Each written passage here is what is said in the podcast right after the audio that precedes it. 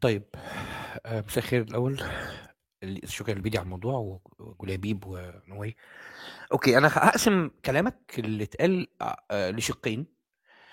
أول شق هو ال- الناس السبابة اللي بتشتم آه، آه، الرسول صلى الله عليه وسلم و- أو الذات الالهيه العليا أو أمهات المؤمنين رضي الله عليها أو الصحابة.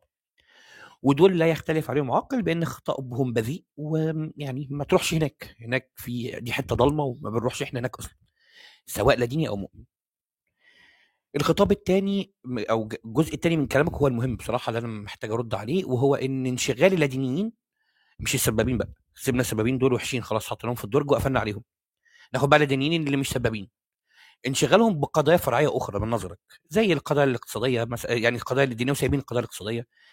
والله ده كلام كويس ممتاز والقضايا السياسيه ماشي نختلف فيها عشان ايديولوجيات مختلفة. بعد كده رحنا للمناخ والبيئة. واضح إن المشكلة أصلا عندك أنت في الخطاب اللاديني عموما بقى. لأن ما أنا شايف إن أنت كده بتقولي حتى ما اتكلمتش على درجة الحرارة. إيه يا معلم مالي إيه علاقتي؟ أنا إيه علاقة ده بخطابي كإلحادي؟ لا ملوش علاقة خالص أو كملحد يعني. العكس. المفروض إن إن إن كل واحد بيتبنى الخطاب الأكثر أكثر تاثيرا في حياته. إيه اللي مضايقني في حياتي أكتر؟ آه، الدين. أوكي هتكلم في الدين. في لا دينيين تانيين مش دين مش مضايقهم مش مؤثر على حياتهم خالص عايشين بره المجتمع الشرق الاوسطي ده. فأكتر حاجة هم بيهتموا بيها دلوقتي هي السياسة. فبيتكلموا في السياسة. برضو في نقطة مهمة ما حدش فينا في اللادينيين الدين أو النص المقدس ملوش إيدين ورجلين يا عم أحمد. ده انت قلت انت بتتكلم مع جوليب بتقول ده التدين ده نمط التدين ملناش علاقة بالدين نفسه. اكزاكتلي أنا مش بن... مش بنتقد الدين نفسه أنا بنتقد نمط التد- التدين ده. إن في إن الدين أول أو النص ده أول ما بيعتنق بيه حد بيؤمن بيه حد وبيؤمن بيه حد حد يكون متطرف مثلا شوية أو مطيف قوي فبيستخدم النص ده فبيطوعه لتطرفه فبيستخدمه استخدام ضد المجتمع اللي أنا فرد منه فبضطر اسفا إن أنا أنتقد التطرف ده وأنتقد النص اللي تسبب في التطرف ده. انت بتشوف ان ده كلام فارغ مش وقته عندنا حاجات تانية أهم كتير. وليه ما تكونش زي ملحدين القرون الوسطى مثلا وإنك أنت أو ال- ال- الملحدين مثلا القرن ال 18 وإنك يطلع من من رحمها كارل ماركس ولا باكونين ولا ماخنو ولا ولا برودون ولا بيتر كروبوتكين ولا الناس دي؟ آه والله لأ ال- ال- الزمن اتغير خالص يا يا أحمد. الناس دلوقتي مهمة جدا بالنسبة لها ال ال الوضع ال الاجتماعي قبل الاقتصادي. الاقتصادي مهم آه بس وضعهم الاجتماعي مهم جدا برضه. ما بقوش يبصوا للاقتصاد من النظر اللي انت باصص لها خالص ولا السوق المفتوح مشكل لهم أي فارق أساسا ولا عايزين الاشتراكية ولا عايزين الراسماليه هم عايزين يعيشوا ويعيشوا في أمان. وده النقطة المهمة. ال- الحاجة الثالثه برضو ان انت المفروض إن الروم دي كنت أنت كنت معايا عليها من يومين أو ثلاث أيام حاجة زي كده وقلت لك آه الموضوع كويس وأنا مستعد أتناقش فيه. وكنت متفق معاك في حاجة بإن بعض الخطابات اللادينيه تفتقر حتى للموضوعية في الطرح حتى في انتقاد الدين نفسه. وقلنا آه والله في شوية مواضيع كده أنا بحس إنها يعني لأ مش doesn't make any sense بصراحة الانتقاد ده ضعيف قوي بس أنا واضح إن إن مع الروم دي كلامنا اللي من يومين ثلاث أيام غير اللي أنت قلته دلوقتي خالص. أنت هنا بتسلب الحق أصلا وأنا مش مع ده. أنا مع اللي يطلع يقول ريان يا فجل ويطلع يقول أي كلام هو عايز يقوله من أجل إن هو عايز يقوله بس نقطة مش عايز حاجة تاني. يعني أنا مش مع لا همارس وصايه ولا أقول له أنت موضوعك ال- ال- الخطاب بتاعك ده أو الموضوع المطروح اللي أنت بتنقده ده ضعيف جدا أو غير موضوعي أو إيه الهبل اللي أنت بتقوله ده عشان يسكت. لأ أنا هقول له كده في إطار نقاشي معاه لكن مش هقول لك عشان يسكت. أنا حسيت إن أنت النهارده بتقول كده عشان يسكت فأنا مش معاك طبعا.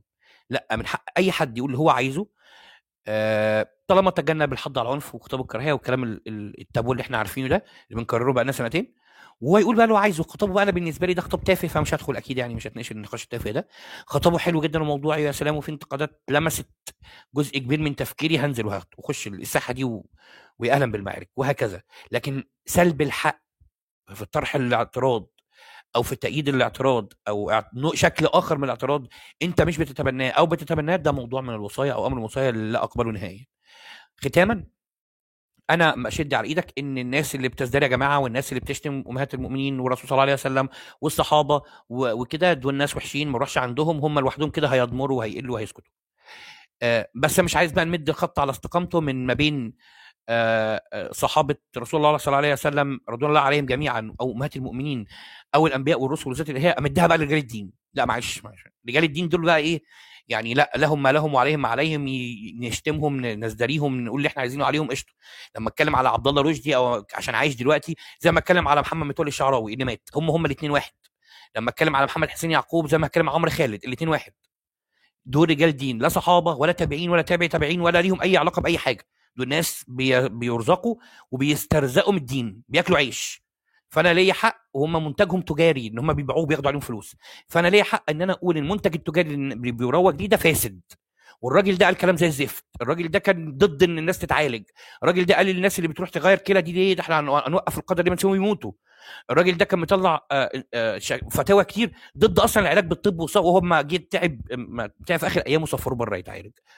وعبد الله رشدي وخطابه دايما العنصري الدائم المحقر ال- نقدر نقول كل ده. ده حق للجميع اللي بيدي ومش شايف إن ده يقارن ب... بالكلام على رسول الله صلى الله عليه وسلم أو الصحابة أو على ذات الإله العليا والأنبياء والرسل. و... وبس. وشكرا كده يا بيدي أتمنى أكون خلصت. طيب. شكرا جدا يا ماركو. أنا مك... أنا. أنا لما قدمت قلت أول حاجة اولا إحنا بنرجع لفضل الإخوة اللادينيين إنهم كسروا حاجز الرهبة أو الت... آه في مناقشة القضايا الدينية التابو اللي كانت تابو يعني فترة وفترات. وقلت disclaimer في أول ال room إحنا ما بنستهدفش إصدار ال room هنا يعني أنا أو جليبيب أو نوي إن إحنا نصدر حكم قيمي على أي شخص ديني أو لا ديني. إحنا بنقيم بس الخطاب اللي شغال اليومين دول على كلاب هاوس ده ده اللي أنا ده اللي أنا قلته في الأول. تاني حاجة أنا ما قلت آه، آه، أي حد عايز يناقش أي حاجة حريته الشخصية. ولما اقترحت لما اقترحت اللي هو تناقش الحاجات اللي هي التانية ده مجرد اقتراح. جرب تناقش الحاجات التانية. جرب تناقش حاجات تانية لكن أنا ما, بغ... ما ب... يعني يعني ما ليش سلطة إن حد ما أي حد عايز يناقش أي حاجة هيناقش ما يفتح روم ويناقش أي حاجة أو آه، مساحة في تويتر ويناقش أي حاجة. بس آه، يعني أنا بتكلم على الجزء اللي هو إن أنت تسب سب مثلا الرسول والذات الالهيه في آه، اللي شغال من أول ما دخلنا كلاب هاوس والغرف دي أنت عارف إن إحنا مثلا إن إحنا بالنسبة لنا ده آه، صراعات طواحين هوا والاقتصاد هو المحرك الرئيسي للتاريخ مش الدين خلينا واقعيين يعني. الحروب الصليبية دي كانت حروب آه، حروب اقتصادية مني هل هي بس رفعت رفعت راية الصليب لكن هل هي كانت حروب دينية؟ بمعنى حروب دينية يعني كاملة مش عشان يغزو الشرق الذي اللي هو مليان باللبن والعسل بس انت آه في ف كلامك الأولاني ما قلتش إن المشكلة مع السب أو الشتم بس انت قلت مع الخطاب عموما.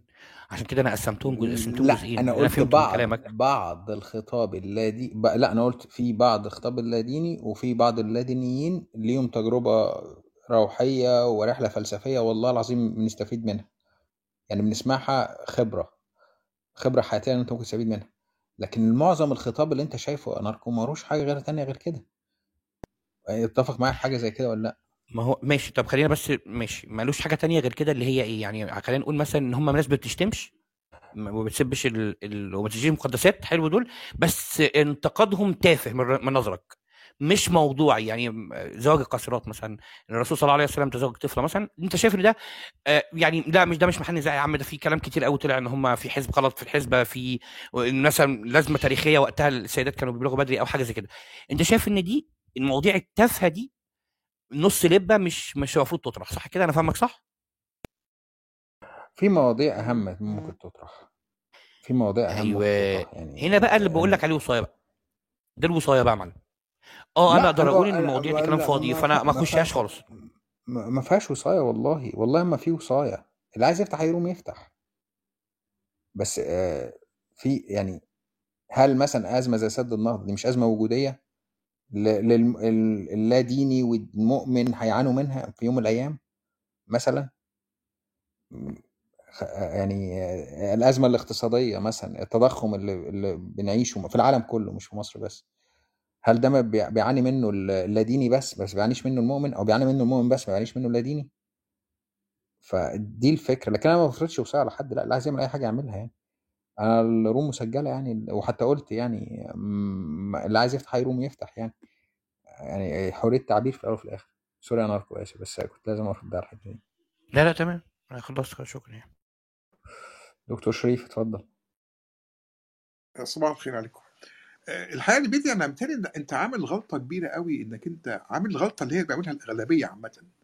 اللي هو هي- إيه المشكلة؟ هم مالهم وهو السؤال لازم يتسأل هو ليه ال- اللاديني ال- المصري غضبان؟ آه، ليه اللاديني اللي في عايش في أمريكا ولا في إنجلترا ولا في فرنسا مش غضبان؟ عايش حياته مبسوط وبتاع ولاديني و... الإشكالية عندنا في مصر إن إنك إنك نازع عنه جزء من المواطنة. إنك أنت بتسأل المو... المواطن المصري العادي تقول له عرف نفسك يقول لك أنا مسلم عربي مصري. آه، فأنت جزء من هويتك كمصري أو يعني عايش في المنطقة دي إنك لازم تكون مسلم. فغير كده أنت أنت بره الهوية دي. فاللا ديني بتقول له والله أنت عايز تبقى لا ديني ماشي إحنا هن- هنت- هنتعايش معاك هنتقبلك. ممكن تعيش بس اقعد ساكت. يعني عايز عايز تعبر عن رأيك سيب البلد وامشي. فأنت أنت بتاخد بتاخد جزء يعني بني آدم مولود في, في, في هذا الوطن ابوه وامه مصريين أنت بتقول له أنت ناقص ال ناقص ال ال ال المواطنة. أنت مالكش حقيه زي بقيه الناس. عشان كده هم غضبانين. فهو ده السؤال لازم تسأله. يعني ما أعتقدش إن هم قاصدين إن هم يهينوا حد ولا بس هم بيقول لك أنت محسسني أنا أقل منك. أنا عايز طبعا ده كمان بيجي بقى في النسويات وبيجي كلام في ال- في ال- في غير المسلمين ده من الديانات الثانية فهي دي الإشكالية. آه، الناس غضبانة لأنك أنت مش مديهم حقهم كمواطن. بس كده شكرا. شكرا دكتور شريف. آه، موضوع المواطنة مرة تانية ماشي أوكي. يا دكتورة خديجة اتفضلي. آه صوتي مسموع؟ آه مسموع دكتور. تمام. أنا عندي استشكال يا لبيدي على اللي أنت قلته في حاجة. أنت دلوقتي لما جيت تتكلم عن الشعراوي أو سيد قطب أنت قلت لا إحنا لازم بقى يا جماعة ناخد بالنا من ال- السياق التاريخي والظروف السياسية لسيد قطب ووجود الإسلام السياسي وتأثير و... و... وإزاي مثلا واحد زي الشعراوي طلع بعد حرب 67 وإزاي الوهابية طلعت. فإحنا ما ينفعش نحكم على الكلام اللي بيتقال غير من سياقه. ف... وعلى عكس ده أنت لما جيت تتكلم عن الملحد اللي بيقول خطاب آه، ممكن يكون فيه ازدراء بالنسبة لك أو خطاب آه، مش كويس. انت قلت مش هيجي يطلع ترومته على الناس أو هو عنده trauma فدي مش مشكلتنا إحنا. لا هي مشكلتنا برضه. هو ال trauma دي جت منين؟ نفس الحاجة. لو انت عايز تحط بقى تبص على السياق بص على السياق هنا وبص على السياق هنا. ما ينفعش انت عايزنا ان إحنا كملحدين نحكم على حاجة من سياق ولا يا جماعة نركز هنا وإحنا بنشوف ده جاي منين ومنين ومنين ومنين ومنين. وعلى عكس ذلك مع الملحد اللي بيقول خطاب ازدرائي لا ما نبصش. الشخص اللي عنده تروما في المجتمع بسبب إن هو مقموع بشكل أو بآخر وبيطلع يعبر عنها بإن هو بيزدري لا ده في عوامل كتير ساعدت في كده. فأنا شايفة إن المفروض إن إحنا هنا نمد خط على استقامته والاثنين يكونوا زي بعض. آه، تاني حاجة آه، مش إحنا اللي نحدد اولويات الناس. أنا مش هطول أكتر من كده. شكرا يا البيدي وأنا هنزل نفسي. شكرا يا دكتور. أنا والله ما حد ما حددنا أولويات لأي حد اللي عايز يناقش أي حاجة يناقشها. آه بس أتفق مع كلمتك آه اتفضل يا ابستراكت شكرا يا أحمد. هو هو ناركو ودكتور شريف وخديجة تقريبا قالوا 90% من اللي أنا عايز أقوله. يعني بصراحة كنت هطلع أقول ال main points اللي هم قالوها دي. بس في نقطة برضو يعني أنت ليه مستغرب إن حد يعني وأسف إن أنا يعني ممكن أقلب الحوار شوية إن حد بيسب الذات الإلهية؟ هو ممكن يبقى شايف إن ده حاجة مهمة. يعني أنا مش شايفها إن فيها مشكلة أساسا بصراحة. حتى لو هو ده خطابي الوحيد. يعني سيبك بقى من الرسول وسيبك من الدين حد يسب الذات الالهيه النفسيه إيه المشكلة؟ شايف إن دي تفكير مثالي أو شايفه تفكير خرافي وعايز الناس تفوق منه؟ في رأيه بغض النظر رأيه ده صح ولا غلط. إيه المشكلة في الموضوع؟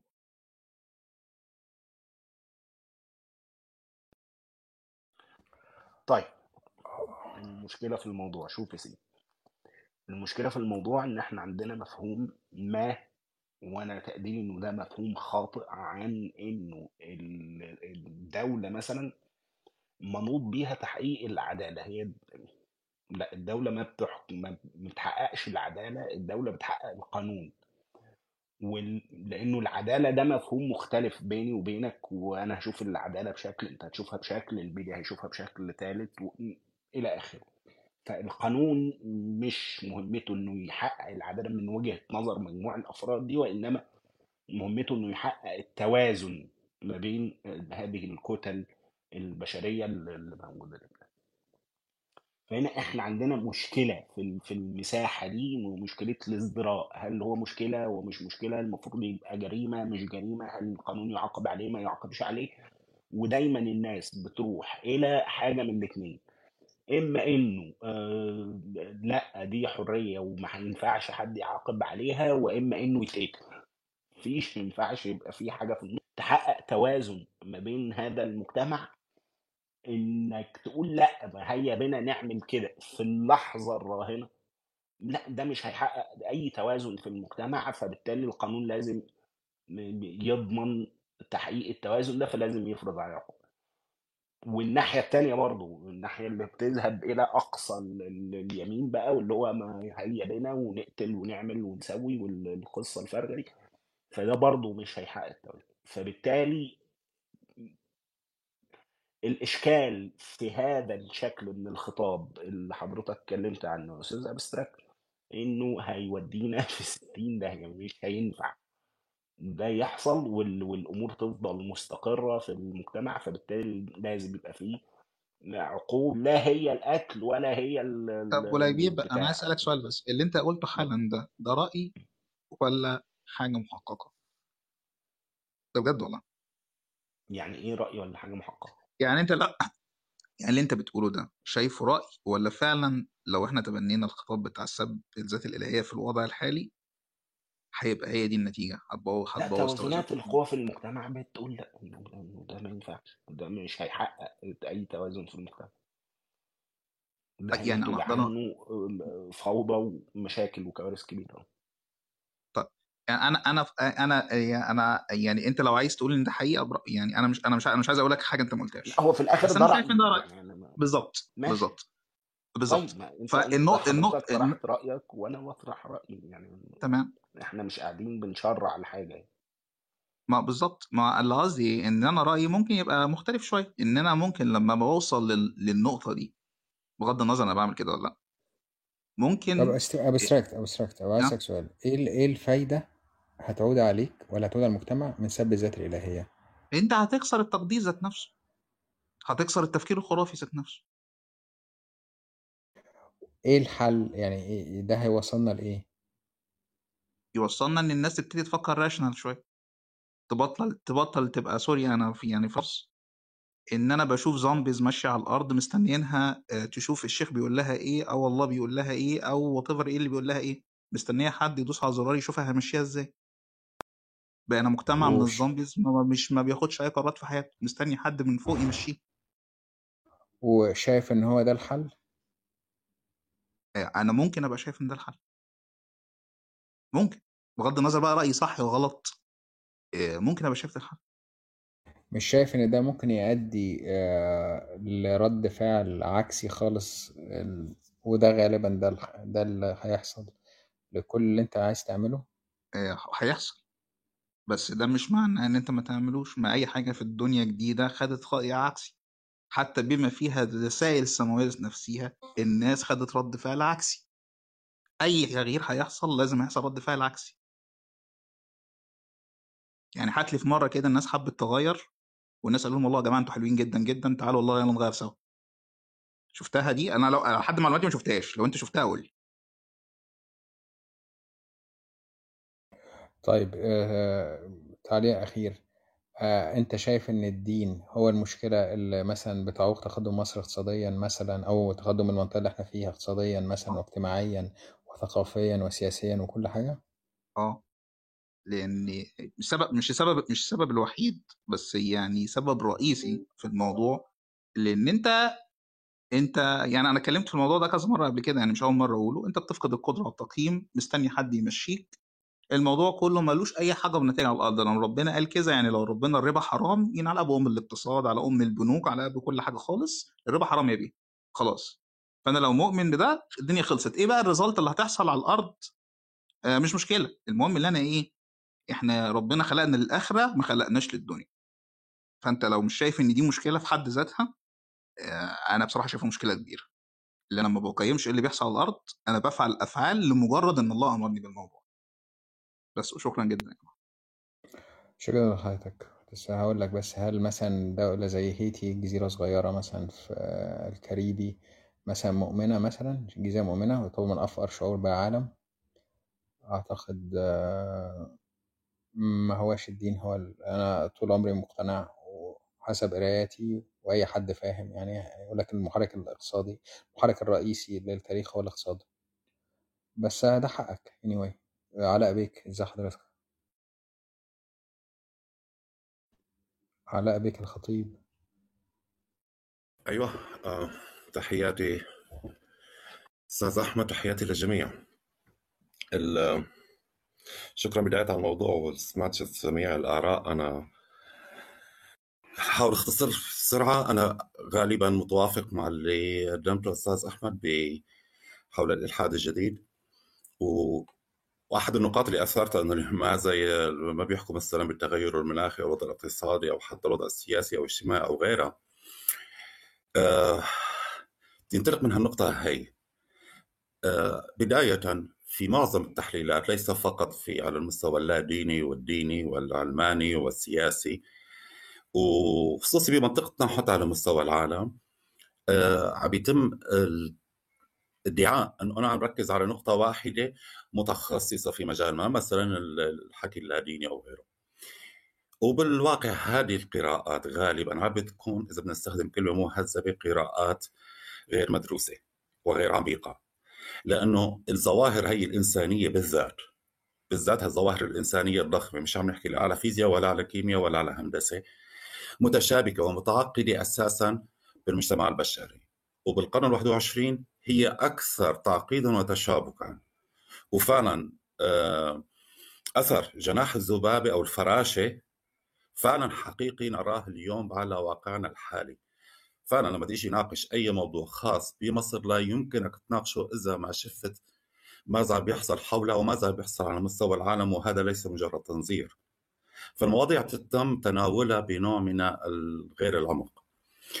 الناحية الثانية هلا حول الإلحاد الجديد بتعرفوا إنه بداية يعني المصطلح ظهوره كان بأمريكا أو بأوروبا ببدايات هي الألفية يعني مصطلح جديد نسبيا على بعض الأسماء المشهورة اللي حكيت عنه بس السؤال إنه هون في الأسباب كثير ليش هذا النمط من المشاهير ما يسمى الملحدين الغربيين؟ اتخذوا هذه المسار واشتهروا رغم أن المجتمعات الغربية لا تعاني عمليا من مشاكل دينية حقيقية. موجود لكنها ليست مشاكل عميقة مثل مجتمعاتنا ولا صدامات حقيقية. أحد الأسباب واللي هي العصر التكنولوجيا عصر الإنترنت وثورة الاتصالات وعلى فكرة هون بين قوسين أنا مختلف مع الأستاذ أحمد أنه فقط الاقتصاد المحرك لا. بالقرن ال 21 هذا عصر ما فينا خبرة بشرية سابقة فيه بسبب الإنترنت وال social media وفوضى الكلام والمعلومات. ومن ضمنها كان إنه آه، انتشار الخطاب الشعبوي على مستوى العالم كله بما فيه الدول الغربيه بالخطاب الشعبوي والترند الإعلامي لتوصل للناس في عندك مجالين آه، هن أساسا قائمين على الشعبوية عبر التاريخ المجال السياسي والمجال الديني. فيهم مجال كثير للشعبوية وفيهم مجال كثير للجذب وسوق الإعلام. هذا كان أحد الأسباب. بمنطقتنا نحن لسه ما غادرنا مرحلة الشعبوية. ما زلنا كنا بشعبوية قومية عربية وصرنا بشعبوية إسلامية والآن صرنا حتى في شعبوية لا دينية ممكن نسميها أو أحيانا قد تصل إلى تيار ممكن أسميه أنتي إسلام مو بس إسلاموفوبيك أنتي إسلام وهذا الشيء مترابط مع الظاهرة العالمية. يعني صعود لا صعود اليمين المتطرف في الغرب مترابط مع صعود التطرف الديني في بلادنا التطرف القومي مع التطرف القومي المتصاعد في الصين وفي الهند وفي روسيا. وحتى بمرحلة من سنوات كان في البرازيل فظاهره عالمية وخطيرة جدا ما لا ظاهرة بسيطة. وما فيك تحللها بمصر طب, طب علاء بيك علاء بيك. خلينا نتشابك معاك. مش شايف مثلا طبعا.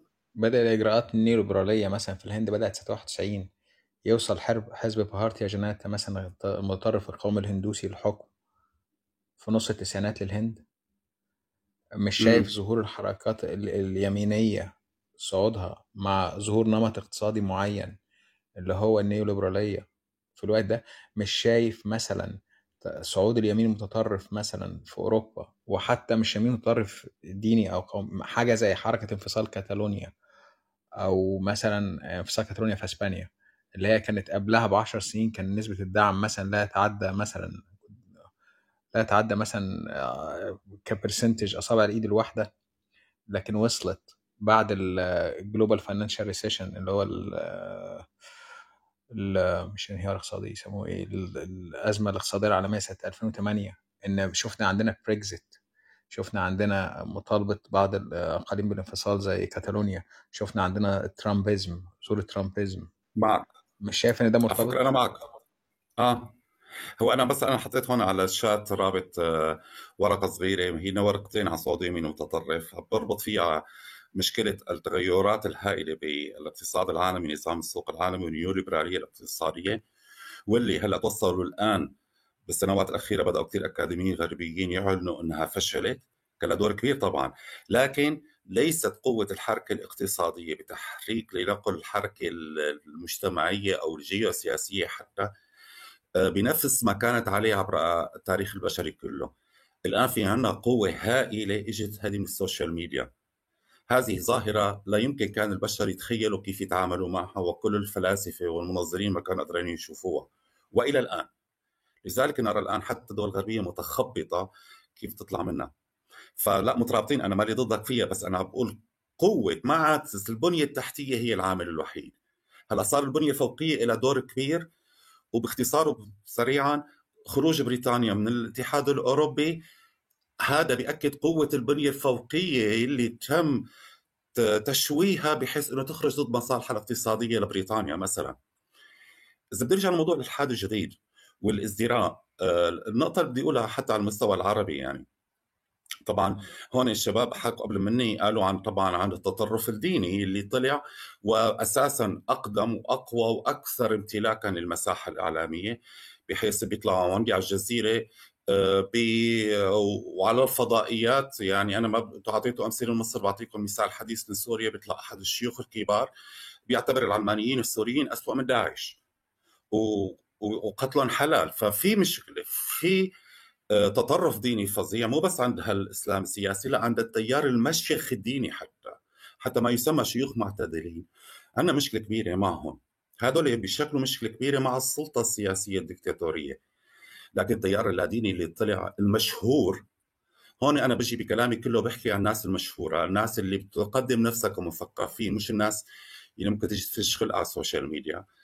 هون في عندي مشكلة كبيرة أيضا وما همي بالازدراء الديني بالواقع وبازدراء الدين فقط سب الذات الإلهية أو سب الرسول الكريم أو السيد المسيح. نحن هون عم نحكي عن مقولات تؤدي إلى آه، تبرير اضطهاد الآخر.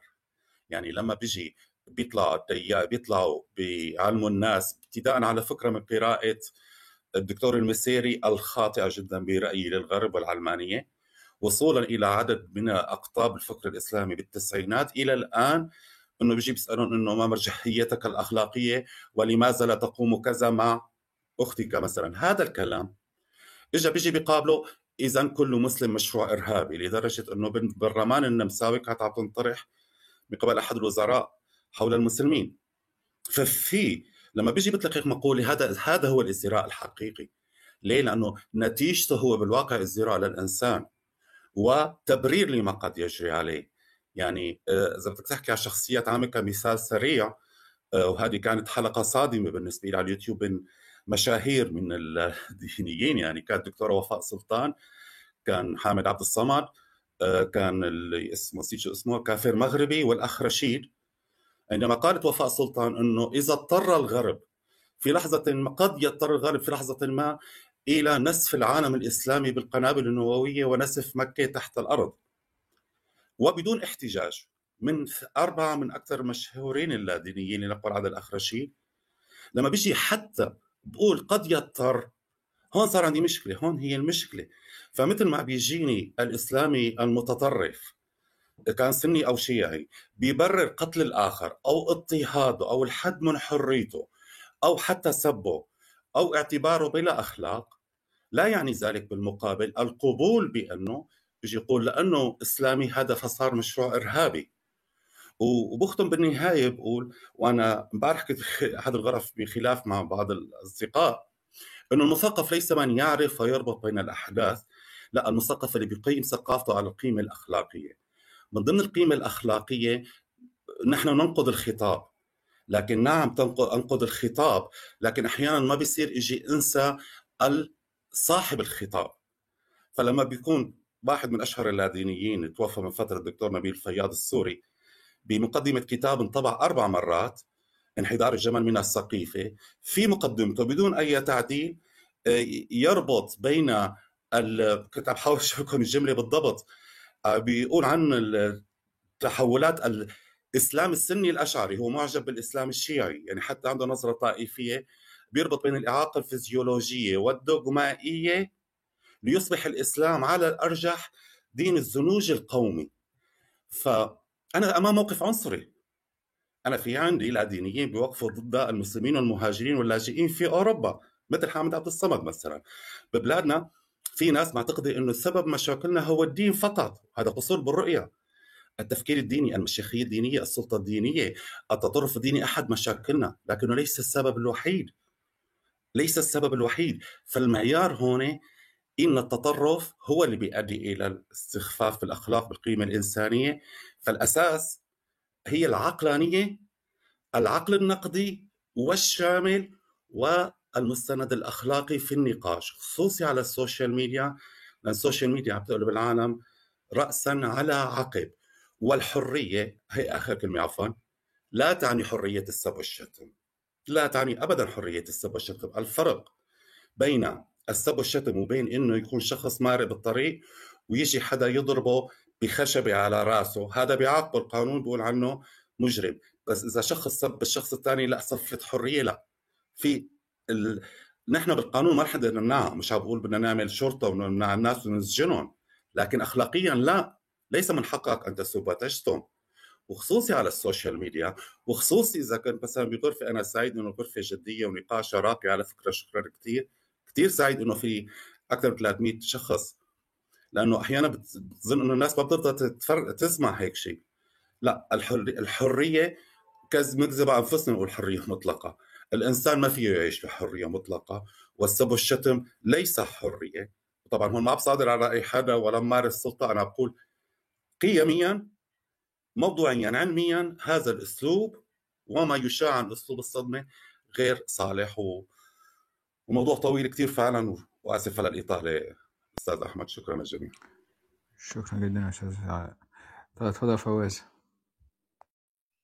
طيب آه مساء الخير عليكم أو صباح الخير ايا كان التوقيت والمكان. الحقيقة أنا يعني لما شفت عنوان الروم آه كنت آه مستني أو كنت متوقع إن أنا هشوف ما كنتش واخد بالي من اسم الكلاب وبعدين كنت متوقع لما شفت العنوان قلت بس دي هتبقى خناقة معتادة زي كل الخناقات اللي بنشوفها على الإنترنت من أيام المدونات والمنتديات. لكن انتبهت إن اللي عامل الروم لبيدي و no way وتروتسكي فأنا قلت لأ في كلام مختلف هيتقال وده اللي أنا كنت مستنيه. أنا عايز أرجع للنقطه أو أو أو مش أرجع لنقطة أجمع كتير من النقاشات اللي فاتتني وأحطها في سياق محدد خصوصا من كلام جليبيب والبيدي بالتحديد. لأن أنا شايف حتى وإن كنا مختلفين في الآراء فأنا شايف إن في نقطة بتجمع كل الناس اللي شاركت في الآراء حتى اللي اختلفوا مع البيدي وتروتسكي أنا شايف إن في نقطة تجمعهم كلهم. إيه هي النقطة دي؟ طالما وجد نظام مستبد يحكم بعقلية واحدة من آلاف السنين أو من مئات السنين هيفضل بيخرج العقلية المستبدة في كل أرجاء المجتمع بكل تياراته وكل معتقداته الدينية أو الغير دينية. الحكاية باختصار بتتلخص في مشهد واحد قاله وحيد حامد في فيلم في فيلم عربي اسمه احكي يا شهرزاد. لما قالوا على لسان أحد أبطال الفيلم حسن رداد لما لما منى زكي بتقول له إحنا مالنا ما كناش بنتكلم في السياسة ده بنتكلم في قضية مك... قضية مجتمع. فالرداد بيرد عليها الحوار بيقول لها ما هو كله سياسة. كل اللي أنت المشاكل اللي أنت شايفاها دي نتاج لنظام سياسي منايل ب 60 نيله هي دي هو ده من وجهة نظري مربط الفرس. إن أنا لما باجي أبص على الخطاب اللي بيخرج من أي تيار أو من أي طائفة دينية في المجتمع خصوصا زي مجتمعنا المصري ببص على الخطاب بتاعه بلاقيه عدواني وعنصري وإقصائي وأقول من هنا للسنة اللي جاية ده الخطاب ده من كل الأطراف موجود لأن المنظومة الحاكمة ليه؟ مش بس المنظومة الحاكمة ال- مش مش بس بتكلم كسياسة أو كنظام سياسي لأ هي المنظومة الحاكمة من من عقليه ال- المواطنين اللي عايشين في الشعب ده بتفكر بالطريقة دي ليه؟ لأن هم خدوا على فكرة ال- ال- ال- ال- السلطة القمعية السلطة المركزية السلطة ال- اللي الحاكم فيها هو أبو الشعب وهو اللي فاهم لوحده مصلحة الشعب وما تسمعوش كلام حد غيري وعايز وعايز أرجع هنا كمان من حتة إن إن إن الكلام اللي قاله البيدي و- وجلابيب في الحتة دي تحديدا وربطها وربطها بشكل من أشكال الأنظمة الدكتاتوريه أو غيره. بس مش عايز أطول في الحتة في في في في في الرابطة دي كتير عايز أوصل للنقطة النهائية إن في نقطة مشتركة إحنا محتاجين نحطها في في نقاشنا ده. إنه يا اخوانا طول ما إحنا عايشين في مناخ استبدادي منايب ب 60 نيلة طول ما إحنا هنلاقي الاسلامجي المتطرف طول ما إحنا هنلاقي المسيحي المتطرف طول ما إحنا هنلاقي الملحد أو اللاديني المتطرفين واللي واللي واللي والأربع أطراف دول هنلاقي خطابهم ما يفرقش حاجة عن داعش عن القاعدة عن عن عن أي طرف آخر بيستخدم عن عن النازيين عن ال... هم هم نفس القميص نفس البنطلون ليه؟ لأن العقلية لأن لأن المناخ اللي بيجمع كل دول هو مناخ استبدادي بحت قايم على سياسة الصوت الواحد. طيب أنا كده وضحت صورة بسيطة وقلت أو أو حاولت أوضح وجهة نظري إن إحنا ليه واصلين الكارثة دي. طيب ما تيجوا نبص على حل ما تيجوا نفكر في حل إذا كنتوا اتفقتوا أو اختلفتوا معايا في النقطة اللي أنا قلتها تعالوا نبص في ندور على حل بسيط إحنا كده حط... أنا أنا كده قلت إن أنا شايف إن المشكلة متركزة في طب إيه الحل الحل ببساطة شديدة جدا هو إني أنا محتاج أوجه خطاب بره دايرة الاستقطاب البشعة دي علشان كده أنا متفق جدا مع كلام لبيدي إنه إن في حتة إنه أي حد من. من كل الأطراف مش بس من طرف ال... ال- ال- اللاديني أو أو ال- أو الملحد لأ من كل الأطراف أنت دلوقتي بتعمل خناقة من اللا شيء وما بتكلمش ما بتقدمش أي حلول لقضايا العدالة الاجتماعية نفس القصة من الناحية الإسلامية الثانية إن هو بيقدم خناقته بطريقة زي ما قال جليبيب ينتهي الغلاء عندما تتحجب النساء. طبعا ده كلام عبثي. بس هي الفكرة كلها أنت دلوقتي محتاج إيه علشان الرأي العام علشان الوعي الجمعي للرأي العام المصري أو العربي يتغير ويبصر ويفكر بطريقة مختلفة. أنت محتاج ببساطة شديدة إنك ترجع الناس للمشكلة الرئيسية. إن طالما في عدالة اجتماعية مش موجودة ما- طالما ما فيش عدالة اجتماعية موجودة في في ال- في المجتمعات دي وطالما في فجوة منيلة ب 60 فجوة طبقية منيلة ب 60 ميل في الكلام دون تمام؟ ف هتفضل في ال- طالما في فجوة اقتصادية منيلة ب 60 نيله أو فجوة اجتماعية منيلة ب 60 نيله في المجتمعات دي طال- طالما الكلام ده موجود وبالتالي هيستفيد منه الأنظمة الاستبدادية وبالتالي هنفضل في نفس الخرا ونفس البكابورت اذا فالقصة هنا باختصار شديد إن أنا محتاج أخوض المعركة معركة التنوير ومعركة ومعركة معركة تغيير الخطابات الإقصائية دي من منطلق إن إحنا يا إخوانا تعالوا نحل مشكلتنا الأصلية اللي إحنا كلنا متفقين عليها. إحنا عندنا مشكلة عداله اجتماعيه ومشكله كراهية الآخر وبالتالي لو إحنا فككنا المشاكل دي وحاولنا إن إحنا نحلها هنو- هنوصل لأرضية مشتركة إن إحنا كلنا نبقى عايزين نعيش مع بعض. لكن طالما إحنا هنفضل طول الوقت ماشيين بوجهة نظر إن أنا أحسن من أنت وإن أنا عندي الاستحقاقية عشان أنت أنت بتمارس عليا العنف لكن أنا عندي استحقاقية إن أنا أبقى أحسن منك هنفضل نلف نلف في نفس الدايرة المقفولة اللي ملهاش أي 30 لازمة. آسف ان كنت طولت عليكم وآسف ان عديت الخمس دقايق بتوعي وشكرا ليكم على الروم دي يا جماعة. شكرا فواز اتفضل يا نهى.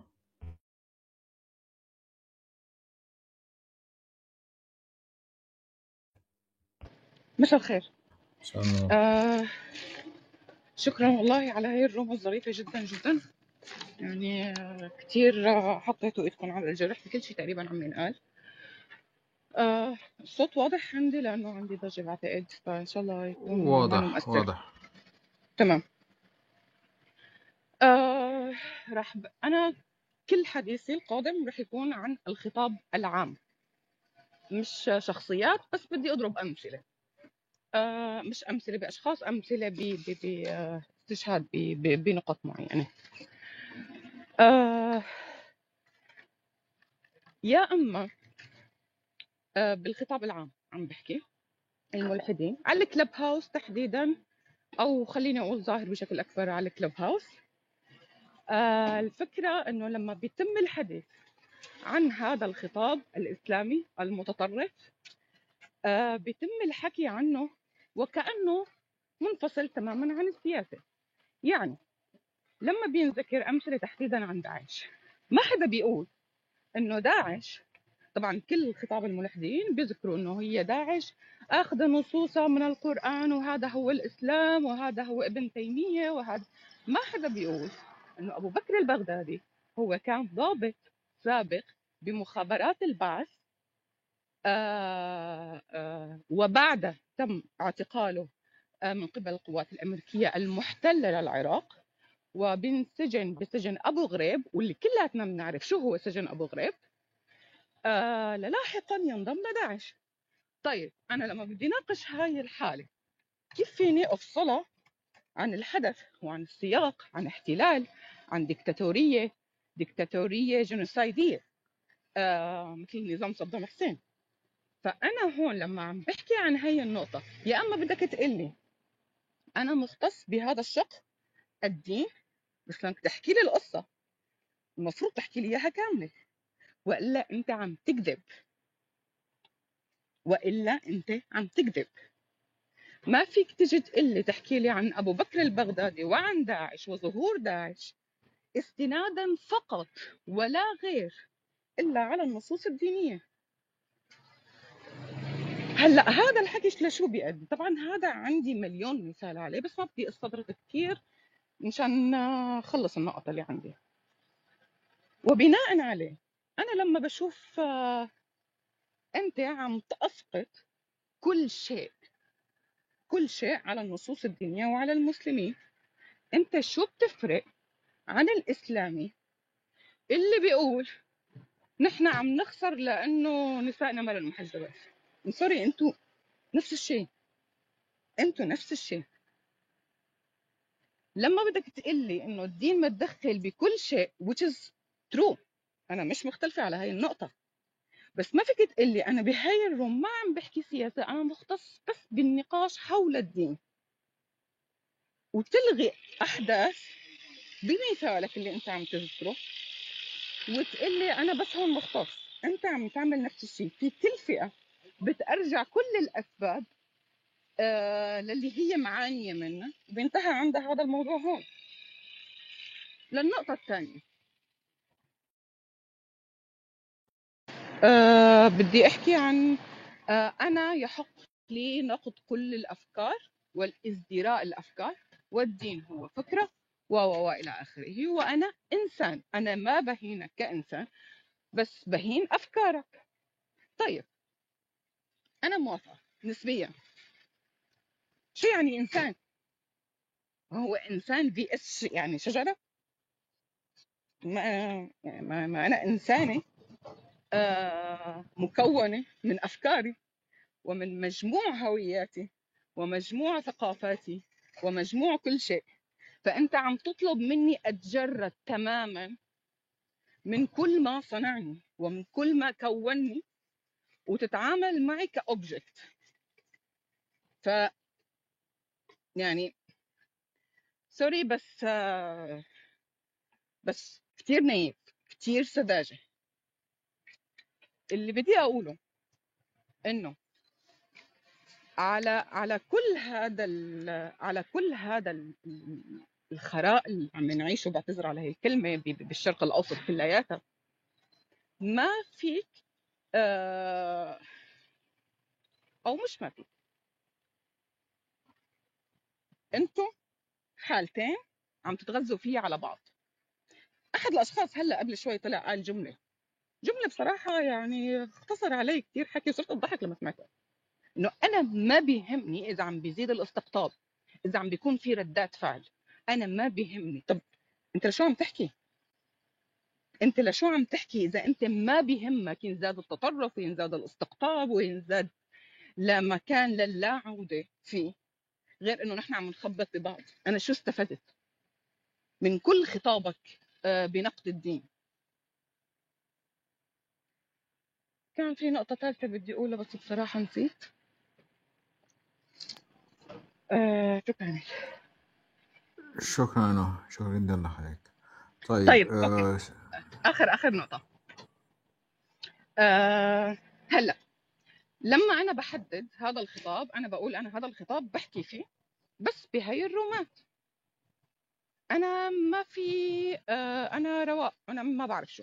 طيب لما بيتم نقد الخطاب آه، السيسي وكونه هي دكتاتورية عسكرية فورا بدكم الإخوان.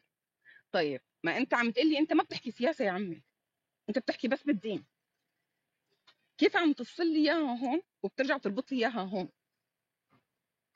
يعني لما أحد الأشخاص بيقول آه برا رومات اللي ما بيحكي فيها بالسياسة إيه أنا لما بشوف واحد مسلم بدول أوروبية أو أمريكية أنا لما بشوف واحد مسلم آه عنده هذا الشكل اللي بيعبر فيه عن هويته الإسلامية أنا بخاف. وات عن أنه خطاب كراهية عم تحكوا وأنه الدين بيعطي خطاب كراهية وعم بي عم بيأسس لتطرف ما بعرف شو يعني أنا بقول لك اليوم كسورية إذا شفت واحد إيراني فبهرب إذا شفت واحد روسي فبهرب إذا شفت واحد ما بعرف شو فبهرب. ف يعني آه خلونا نتفق على قصة. نحن جميعنا في القاع. فكرة نقول بدنا نوعي الناس ونثقف الناس. لا لا حبيبي أنت معي في القاع. إسلاميين علمانيين ملحدين ما بعرف. نحن كلياتنا بالقاع. ما تفكر إنه نحن رح نطلع من هذا القاع إلا جميعا. ما في حدا رح يطلع لحاله فيه. فهذا الاستقطاب اللي عم بيصير وهذا فتح آه، ضرب الجذري بكل الهويات. بهذا الشكل ب- بأمكنة وطرق وعفوا دول نحن ما عنا أي هوية نستند عليها غير هوياتنا الفرعية. للأسف للأسف لأنه عايشين تحت سحق آه، سياسي وتحت سحق آه، اقتصادي وكل هاي وكل هاي الأشياء. فأنت لما بترجعني أنا لهون لهي ب- بضرب هاي الهويات. وعلى فكرة يعني ما بحب أعرف عن حالي أنا بهذا الشكل لأنه لا يعني لي الموضوع. هذا بعتبره شيء شخصي جدا. أنا شخص لا ديني. بس أنا بيهمني هذا الاستقطاب اللي أنت عم تعمله. و... و... وكل سلوكياتك هي بتدل أنت ما بتفرق عن كل الأمثلة اللي ذكرها تروتسكي المحققة على فكرة اللي أنا بتفق فيها معه هي الأمثلة اللي, اللي ذكرها أنت ما بتفرقش عنها يعطيكم العافية. شو جدا آه، آه، اتفضل يا آه، باشمهندس مرحبا مساء الخير. ازيك يا كل عام وأنتم بخير. كل سنة وأنت طيب أخبار حياتك كمان أهلا حبيبنا.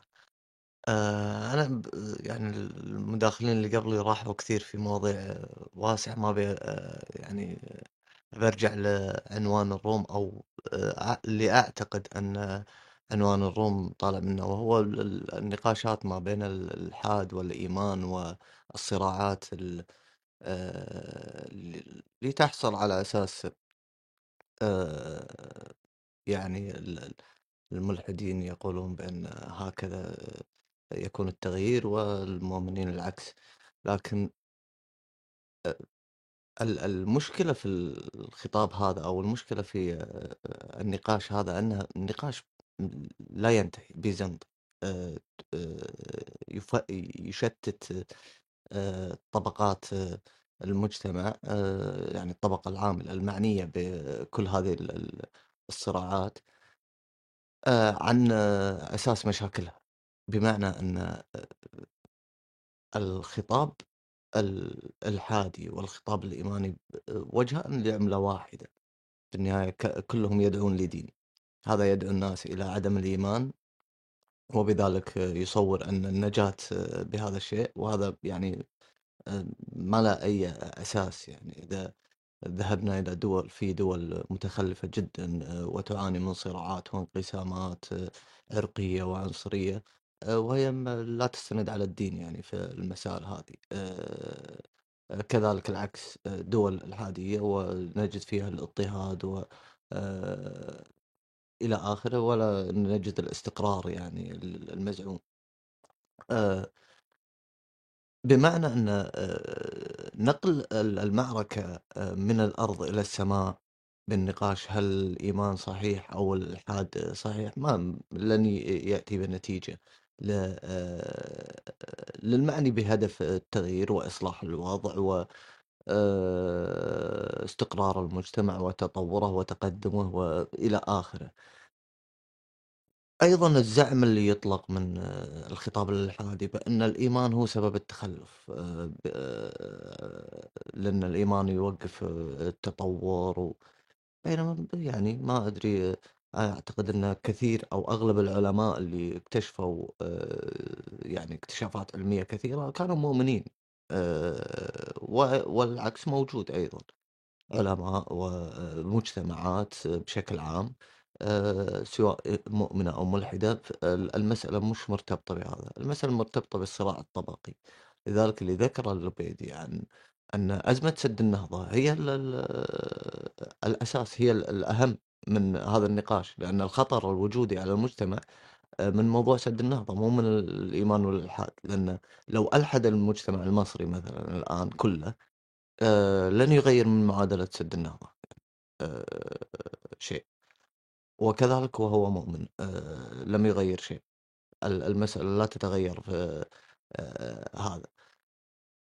القول بأن آه، الخطاب التقدمي هذا يواجه بالخطاب آه، الديني هو يواجه بخطاب ال- آه، القوى السياسية آه، الدينية مو الخطاب الديني لأن المجت- المجتمع آه، المسلم نفسه المصري لو ذهبنا إليه الكباريهات والبارات وهذا كلها حرام آه، يشوفها المجتمع. لماذا لا يدخل يكسرها؟ لا يملك السلطة السياسية.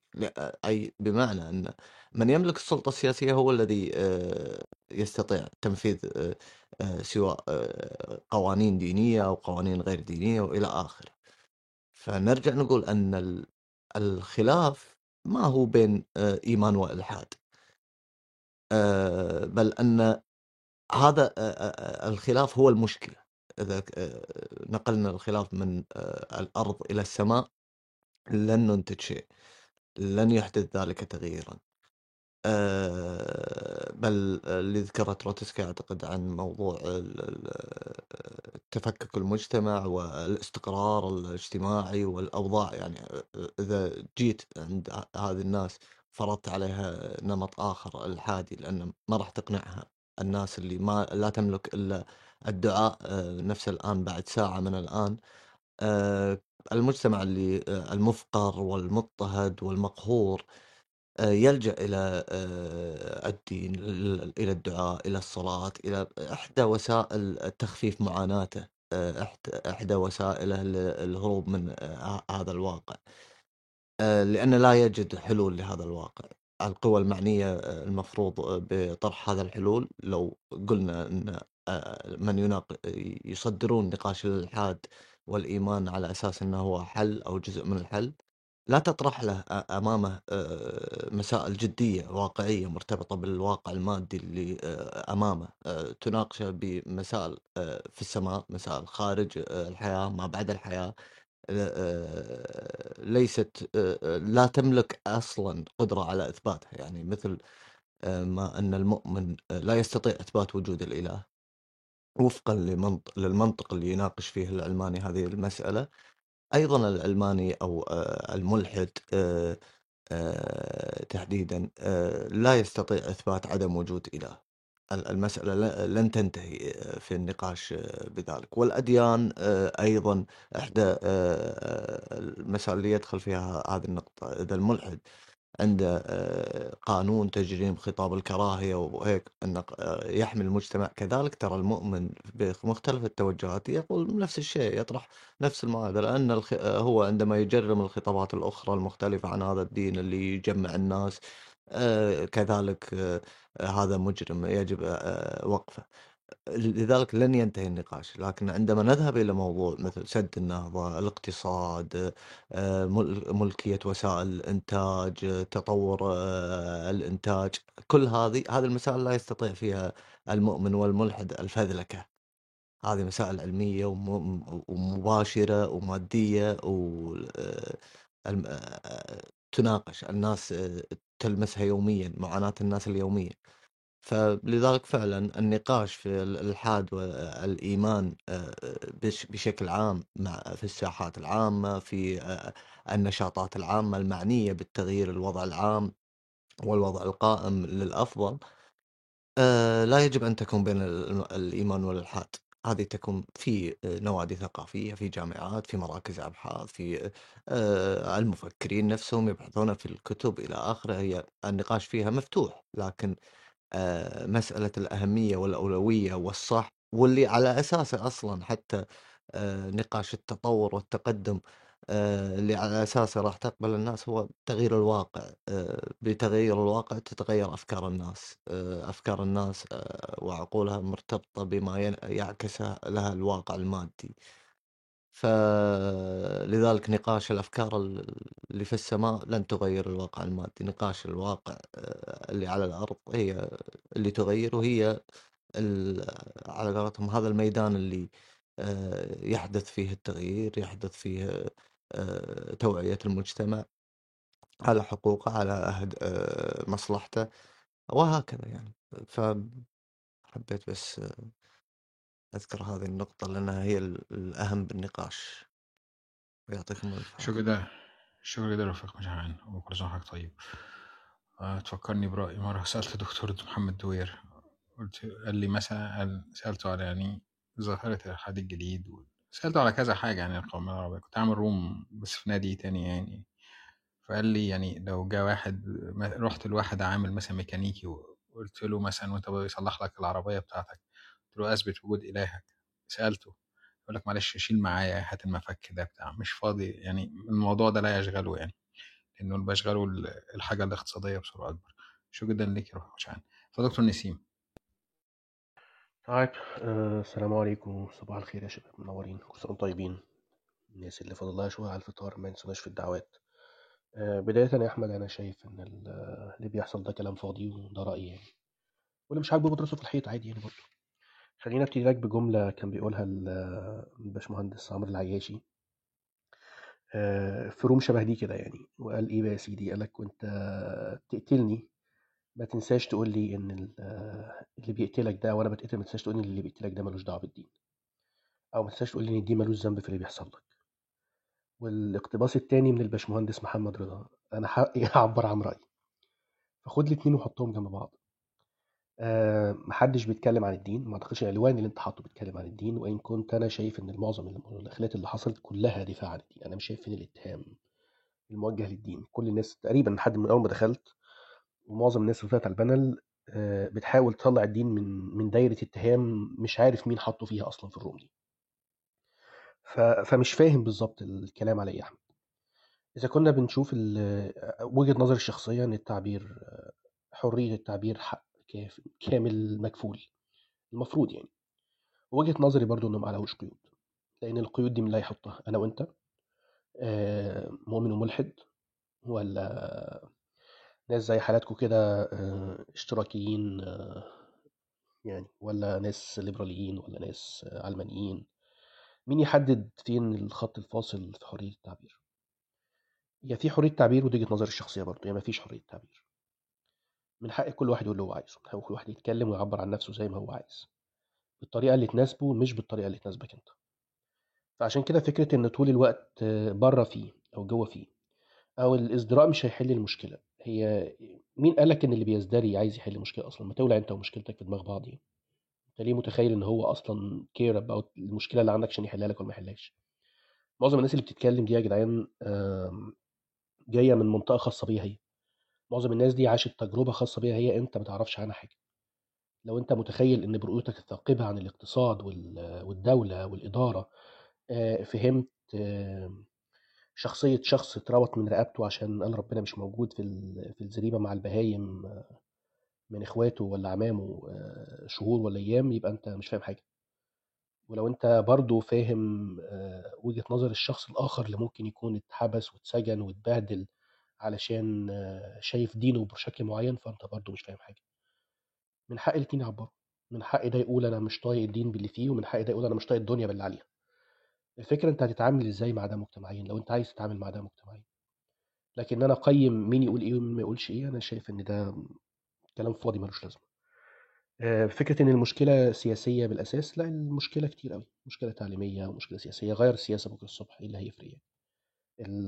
النظام هيمشي ويجي نظام يا سيدي أكثر تحضرا إيه اللي هيفرق. عندنا مشاكل كتير جدا محتاجة تتحل. الدين عامل أساسي فيها مش الدين كنص الدين كمتدين عشان الناس بتاخد كلمة الدين وتجري بيها. النص ما بينزلش يتخانق مع الناس في الشارع آه، النص ما ما بيحكمكش ما بيقولش لازم فهمي هو الصح وفهمك هو الغلط. النص مش هيعتدي عليك. ال- الشخص اللي فاهم النص صح أو غلط مش مشكلتي. هو اللي هيعمل ده. فده اللي بنتكلم فيه ده جزء من مشكلتنا. فلو إحنا مش شايفين ده يبقى عندنا مشكلة تانية خالص. زي ما الاقتصاد جزء من مشكلتنا زي ما الحرية جزء من مشكلتنا زي ما التربية والتعليم جزء من مشكلتنا. فكل الفكرة طلعوا الدين بره الموضوع ونتكلم يا سيدي إحنا بنتكلم لازم كلها مشاكل لازم تتحط على الترابيزة. في الآخر مش هطول لكن خلاصة الحوار يا شباب إن ال- من حق الناس إن هي تزدري. ومن حقك ما تسمعش. من حقه يقول ريان يا فجل ومن حقك تقول له كلامك فاضي. آه، ومن حقك تعمل room برضو وتقول إن الحيوان ده ما ينفعش يعيش أصلا يعني. آه، براحتك. لكن آه، يعني دي وجهة نظري. تنظير عليكم بما إنكم بتنظروا على خلق الله. لا لا لا. لا لا حقك طبعا. آه بس أنت مش شايف إن شيوع خطاب الكراهية وعدم وجود مثلا صوابية سياسية ده شيء مش صح؟ بعد خطابات ال... طبعا أنا مش بنصدر حكم قيمي زي ما. قلنا في اول ب... روم بوجهة ديسكليمر يعني نظر مين على أي شخص لا بس بس بس. نصد... ن- إحنا ما بنصدرش حكم قيمي على أي شخص ديني أو لا ديني. إحنا. بنقيم بس خطاب ال- الحاد ال... ال... اللي شغال أو الخطاب اللاديني مش كلهم طبعا. في بعض اللادينيين يعني خطابهم مش مش خطاب كراهية خالص. من و... من و... من وجهة نظر من الصوابع السياسيه يا نسيم مثلا. طب أنت ليه ليه وصفت الازدراء على انه خطاب يا احمد حطيتها إزاي جنب بعضها؟ دي عشان والله والله الأمم المتحدة هي اللي قايلة كده يا دكتور نسيم مش أنا. قايلة إيه؟ هجيب لك إيه تعريف إيه خطاب الازدراء إيه- لا ما تجيب تعريف خطاب الازدراء لما واحد يقول ايا كان هيقوله. أنا مش هقدر أقول اللي هو هيقوله يعني لكن ايا كان واحد. يتكلم عن أعلى قيمة عندك غير حياتك بشكل سيء. إيه ال- إيه ال- لما إيه واحد لما لما واحد مثلا بلاش الدين لما واحد إيه مثلا يحط خطاب كراهية مثلا ضد ال- الجماعة المعاقين طب سيبني نسيم. أو لا لا لا آه، نسيم نسيم نسيم ده يعني بص يا آه، برنس هو أنا عارف أنا يتكلم متلك أنا شايف حرية التعبير مطلقة فأيا كان اللي هتقوله هقول لك هقول طب لك لك ولما لا ينزل على الأرض بس تعالى اتعامل معاه تعالى يعني ما عنديش مشكلة فيه يعني أنا عايز أقول لك إن أنا من الصبح مش عارف أتكلم ولسه أول ما أنا اتكلمت كنت بسأل يعني إيه ازدراء حقيقه الامر ان مفيش أي حد ممكن يقول لك يعني إيه ما حدش ممكن يقول لك يعني إيه ازدراء لا أنا بسألش عن أي ما حد ممكن يعرف بسألش عن ما بسألش عن إيه ازدراء يا نو. أنا بسأل طب فين ما أنا هكمل لك الجملة. تفصل اتفضل. بالظبط لا لا. هو أنت بس بتسأله هو إزاي أحمد حط ده جنب خطاب العنف والكراهية؟ حقيقة الأمر إن في في كل الوك- يعني كل الوسائل الإعلامية لأن هي دي الحاجة اللي أنت ممكن تستند إليها الحد اللي, اللي بالنسبة له الموضوع مهم. زي البي بي سي مثلا زي CNN زي الجزيرة زي العربية الأماكن دي ده بالنسبة لها مهم إن هو يعرف يعني إيه ازدراء أو إيه الخط الفاصل أو إيه الخط اللي هو يعديه. فلو عداه هنا يبقى في مشكلة. الفكرة كلها إن مفيش حاجة اسمها طيب okay. يعني مثلا في حد كاتب في الشات واحد واحد الخط ده في كل الاماكن يا نو لا لا بص بص الشات بص بص بص, بص هديك هديك. لا لا هبص للشات عشان خاطر اطرده وأعمل له block. ده بالنسبة لي أنا في مسطرتي أنا في مسطرتي أنا ده ازدراء لما حد يقعد يتكلم على النبي صلى الله عليه وسلم بطريقة بالطريقة دي بالشكل ده من غير أي معلومة بالنسبة لي أنا ازدراء خلينا نتكلم بقى ال- الوكالات دي اتفقت على إيه؟ لا لا بس است... استنى على كله الوكالات. اللي أنت اللي أنت عملته طيب دلوقتي انت واحدة عملت إيه دلوقتي؟ اللي عملته واحدة إيه واحدة دلوقتي؟ واحدة. لا لا لا أنا لا في لا حد خرج ماشي ماشي ثانية طب ثانية واحدة ثانية واحدة يا أحمد طب حطيت تعريف خطاب طب حطيت تعريف خطاب الكراهية بس في قناة التليجرام فوق. ده من تعريف من ال UN هبص يعني عليه. حاضر. لا مني ولا من نوي ولا من عندك. وابص عليه. حاضر يا أحمد. بس ال... ال- طيب اللي أنا عملته دلوقتي إن أنا في مساحتي في مساحتي المعينة يا دكتور نسيم لما يكون في حد بيعمل شيء معين بالنسبة لي أنا مؤذي بطرده. لو هو بيعمل ده في مكانه مش هروح له. حلو ده بالنسبة لك؟ جميل جميل خالص. بالظبط ده, ده تمام. لما يكون الحد بقوله ده بقى بيتكلم على لا لا ما أنا هكمل لك بس لما يكون الحد ده بقى بيعدي الخط بتاعه بيقول إن كل أتباع الدين ده آه كذا وكذا وكذا وكذا وكذا وكذا وكذا وبيعملوا كذا وكذا وكذا ده خطاب كراهية. لأن هو بيحقرني. فلما يقعد يحقر فيا بشكل مباشر طول الوقت أو أنا أبدأ أحقر من الملحد بشكل مباشر طول الوقت إن هم عبدت كذا وكذا وكذا وكذا ده خطاب كراهية. مفيش حاجة مفيش خط فاصل واحد ينفع نتفق عليه. لكن في شيء معين ينفع ينفع نقوله. اللي أنا بقوله مثلا لحضرتك وإحنا بنتكلم دلوقتي إن مفيش حد في العالم ممكن يعرف لك يعني إيه ازدراء ولا يعني إيه خطاب كراهية. هي مساطر واسعة جدا. كلها حسب سياقاتها. كل حاجة حسب السياق بتاعها. بس نو حبيبي أنا أنا ما بتكلمش على التعريف. آه، السؤال واحد بيقول خطاب كراهية. واحد طلع يا سيدي وقال لك أنا شايف إن الملحدين كلهم ما يستحقوش أن يعيشوا. حلو الكلام؟ اللي أنا بتكلم فيه إن حقه يطلع ويقول من حق من حقه يطلع يقول إن الملحدين كلهم ما يستحقوش انهم يعيشوا. السؤال ما بعد ذلك؟ ننتقده ومن حقنا بالظبط يا أحمد بالظبط يا أحمد بالظبط يا أحمد. دي ما ده اللي أنا بعمله أنا بنتقد أنا بنتقد بعض يا خطاب اللي أنا بنتقد. قول يا حبي قول قول يا محمد. لا أنا أنا خد بالك بنتقد. الفكرة بص يا نسيم خلي بالك خلي بالك الروم. دي الروم دي والكلام. أقول اتفضل. خلي بالك إن الروم دي هي عبارة عن إن أحمد عنده رفض لحاجات معينة أنا بالمناسبة أغلب الحاجات ما اتفقناش عليها. يعني هو في الآخر أنا أنا مش متفق مع أغلب اللي بيتقال هنا وأعتقد جلابيب بس هو بشكل واضح أو بشكل يعني هو الراجل ما راحش ينتقد الناس عندهم. الراجل فتح room بيقول فيها رأيه. فلما يجي حد هنا يقول له ما تروحش ما هو ما بيروحش. فاللي متضايق أنا ما بتكلمش عليك نسيم والله خلاص يا دكتور أنت عارف. يعني في الآخر إن أنا في شخص مثلا الشخص ده متضايق من إن حد بيعمل خطاب معين فطلع يفتح room يقول فيها الخطاب ده وحش وما حددش أسماء فإن الناس تتضايق وتقول إن ده تنظير لا التنظير اللي أنت الخطاب الخطاب وحش يا نو ما, ما عنديش مشكلة. أنا مش مختلف مع أحمد الخطاب وحش. مش طيب وال- أهو. والكلام مش على خلاص. إن الخطاب وحش ولا لأ. الكلام هنا الكلام شوية من الكلام اللي أنا سمعته هي حق الناس فينا تتكلم في ده ولا لأ؟ ده اللي أنا واقف عنده. أنا ما بتكلمش الناس خطاب ما تتكلم في الخطاب أي ما من لا قلب ما 60 حد من قلب ما 60 حدش لا لا لا لأ. نيله ما حد ما رومات حدش فرض وساعة على حد ما حدش فرض وساعة على مش انت يا احمد يا احمد لا. أحمد واحدة واحدة اتقالت لي ف... اتقالت لي فاول الروم. ما أنا. بروح ما أنا عندي أصدقاء لا دينيين وبروح لهم الرومز بتاعتهم. ما فيش أي يا مشكله ابني ما أنت واخد الكلام لا واخد الكلام على احمد على أحمد زبيدي ليه؟ آه، اهدى شوية كده طول بالك. ال- الفكرة فين؟ الغرفة كلنا بنقول ارائنا كويس؟ جملة الازدراء اللي أنت حاططها دي مثلا هي يعني في ناس اتكلمت على اللي ده في القانون المصري ده جريمه آه، ناس اتكلمت والله لأ في القانون زي ما أنت عندك برة في قوانين بت- بتجرم آه، اسمها إيه آه، الخطابات الكراهية. أنا عندي جوه هنا قانون بيجرم الازدراء الفكرة هنا يا أحمد أنت خدت الموضوع من إن أنت حقك تتكلم وتقول كل اللي عندك بأسوأ الطرق الممكنة وحق أنتقدك على الكلام ده وحقي لما تبقى ظاهرة في المجتمع أخدها ادرسها وأفهم إيه اللي وصل المجتمع للنقطة المنيله ب 60 نيلة دي.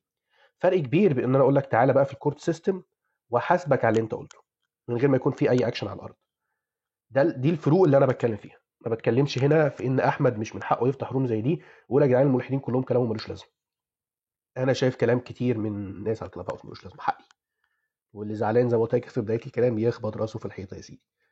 لكن ده فرق كبير بين ده وبين الكلام اللي كان معظم الناس بتتخيله اول ما تيجي كلمة ازدراء اللي هو إحنا عندنا قانون عندنا أنت ممكن تدخل السجن بسبب جملة. القانون اللي معظم الناس بتت... اللي بتقول على نفسها على الأقل المسلمين كان في ناس تانية مش شايفاهم كده بيتحاسبوا بيه في مصر. إذا كان أحمد عبد ماهر ولا إسلام بحيري ولا ولا غيرهم ما شاء الله يعني. فدي الفكرة اللي أنا بتكلم فيها. ما بتكلمش في إن مش من حق أحمد يقول يا جماعة اللي بيحصل في الرومات ده كلام فاضي. أنا شايف اللي بيحصل في بعض الرومات أو رومات كتير من اللي في بالك كلام فاضي بدخل دقيقتين وباخد بعضي واخرج من اللي بيحصل. مش معترض على وجهة نظرك ولا حاجة بالعكس أنا معاك في نفس المربع ده. عشان كده ما بتكلمش على أحمد كأحمد أنا عارف أحمد بيفكر إزاي. ومن رولاه جليبيب اولا طيب وأخيرا يعني. ممكن اعملها طبعا بس لو أنت عامل الخير دلوقتي أنا ممكن أعملها لأن بعد كده هكون مشغول. فمش عارف. طيب أوكي. آه بداية كده أنا ما أعرفش الرومات اللي أنت بتتكلم عليها لأني غالبا أنا بعمل حاجة لطيفة جدا. أنا ده مسطرتي أنا اللي أنا أو مش مسطرتي باش مسطرتي اللي أنا بعمله. أنا لما بخش room الاقي فيها كده بعمل الناس اللي فوق كلهم block وبتكل على الله. حتى ما بطلعش اعترض خالص ما بطلعش أتكلم. آه، يعني مش مش مشكلتي خالص ولا بطلع أتكلم عليهم ولا بسميهم ولا حاجة. في نفس الوقت آه أنا في أماكن معينة ما بروحهاش. ما بروحهاش لأن أنا مش عايز أروحها لأن أنا هسمع فيها كلام هيضايقني فتمام خلاص. الشخص بقى اللي هناك لما حد بيجي يحكي لي عن اللي هو عمله أو اللي هو قاله أو اللي هو كان عايش فيه بعتبر إن ده بالنسبة يعني ما بقاش فاهم أنا أعمل إيه دلوقتي؟ أنا دوري إيه؟ أنا الموضوع بالنسبة لي بسيط جدا. إحنا بينا وبين بعض في عقد اجتماعي. العقد ده لأن إحنا عايشين في مجتمع ما. أنت مش كلنا عايشين في نفس البلد ولا كلنا عايشين في نفس القوانين. إحنا مختلفين. يعني في ناس عايشة في بلاد معينة عندها قوانين فيها مساحات حرية أكبر فيها مساحات حرية أقل فإحنا مش إحنا مختلفين. في عقد اجتماعي كده إحنا متفقين عليه. اللي هو ليه علاقة بالازدراء مثلا الازدراء اللي هو تعريفه بالنسبة لأغلب الناس اللي هو الاغلب الناس هنا أنا بتكلم على المكان ده فاهمينه. آه، سب الدين سب الإله آه، سب الرسول سب الصحابة. والصحابة بالمناسبة مش مش داخلين في الدايرة غير عند ناس معينة بس ماشي. طيب أنت شخص بتقدم ده في سياق معين وهنا كنت هرجع للسؤال اللي كنت من شوية بتكلم فيه مع الدكتور نسيم. وكالات الإعلام دي اتفقت على حاجة واحدة بس إنك أنت لو بتتكلم ده في سياق ليه علاقة بدلالة معلوماتية مثلا فأنت بتتكلم بتدلل على حاجة ده مفهوم. بالنسبة لهم مفهوم. ما بيسموهوش خطاب كراهية ولا خطاب يعني بيبقى فيه شوية تماس على شوية ألفاظ معينة. لكن أنت لو بتقوله في العموم عشان تشتم فده خطاب كراهية. يعني لما حد يفتح روم على إن النبي صلى الله عليه وسلم كان بيعمل كذا وكذا وكذا وإن هو كان نبي كذا وكذا وكذا وكذا وكذا وكذا من يعني كده هو صاحي من النوم الصبح لأن في حد ضايقه أو لأن هو كان عايز يفطر في نهار رمضان ففي مسلم معين ضايقه أو إن في حد مثلا في قانون معين ضايقه فتح روم يشتم النبي وشاف إن الدين بيأثر على حريتي ده اسمه خطاب كراهية ولو أنت في بلد بتجرم ده واتقبض عليك أنا مش هتدخل عشان أدافع عنك ولا شايف خالص.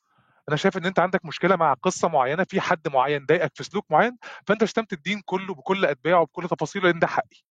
تمام وأنت عايش في بلد الحق ده فاهم لو أنت عايش بره في مكان تاني بيسمح لك بده ما حدش هيكلمك خالص. تماما. الفكرة في في المساحات المفتوحة المساحات المشتركة اللي بيننا وبين بعض. يظل اللي أنا اللي أنا مقتنع بيه إن أفضل حاجة إن إحنا نمشي. اللي اللي متضايق من حاجة يتكل على الله ما يقعدش يسمعها. عادي جدا. لو الخطاب ده اتكرر قدامك ما تسمحش بيه في مساحاتك. بخلاف ده أنا مش هقعد ومش هسمع ومش محتاج ان اسمع حاجة زي كده إلا لو إحنا بنتكلم في ديبيت معين. لا عمرك هتلاقي ناس متفقة على حاجة اسمها حرية رأي ولا حاجة اسمها حرية آه، يعني تعبير اسمه إيه أو ازدراء اسمه إيه مفيش حاجة مفيش الكلام ده مطاط جدا. الكلام ده واسع جدا جدا جدا. أنت في كلام معين بتقوله بيعتبر ناس بت... يعني ناس كتيرة ازدراء. لما تيجي تهين حد معين يعني في كلام أنت بتقوله في العادي فالموضوع بمنتهى البساطة. اللي عايز يغير القانون في البلد اللي هو عايش فيها ربنا يوفقه وكل الدعم كل المحبة. لكن أنت عايش في مكان معين والمكان ده ألزمك بالقوانين. أنا برضو مش يعني أنا بتكلم عليا أنا. أنا مش هعرف أعمل حاجة مش هعرف أساعدك ولا أعتقد إن حد على هيعرف يساعدك. بس ربنا يوفقكم.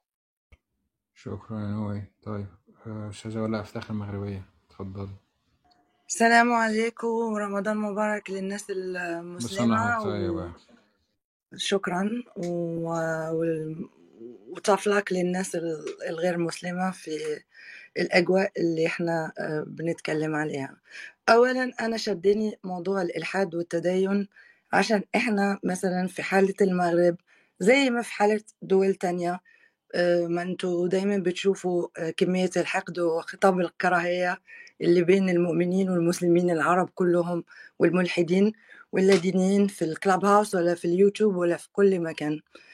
اللي شدني أنا هو تدخل الدولة مثلا المغربية في موضوع آه، ال- ال- المؤمنين ضد الملحدين.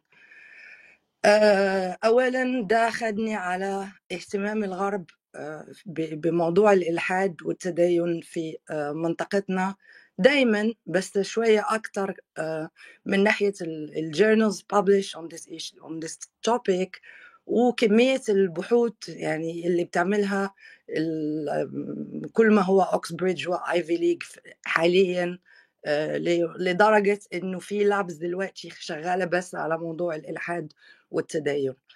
ثانيا آه، في حد يمكن حد اسمه علاء كان يتكلم عن كافر مغربي.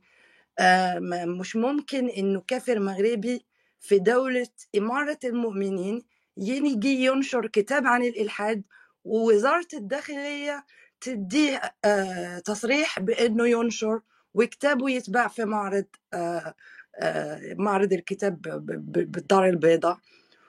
وأخونا يقول لك لأ إحنا نلحد بس الملك وأمير إمارة المؤمنين لازم آه لازم تقعد.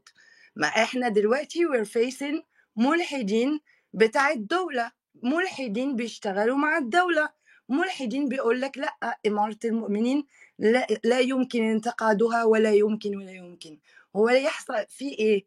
يعني هو انت الحدت ب- برب ال- السماء وعايزنا آه، ندين لواحد يعني نبوس إيده مثلا. فكمان في الكلاب هاوس في ناس بتنشر نفس الخطاب. إحنا لازم نتبع آه، إلحاد الدولة ونمشي على خطى إلحاد الدولة ولا ننتقد الحاكم ونبتعد عن كل ما هو نقاش عن الديكتاتورية والاقتصاد و و و و وأمراض المجتمع وكل مصايب اللي عندنا في دولنا العربية ب يعني بتفاوتات بس كلنا في نفس في نفس الوضع المزري.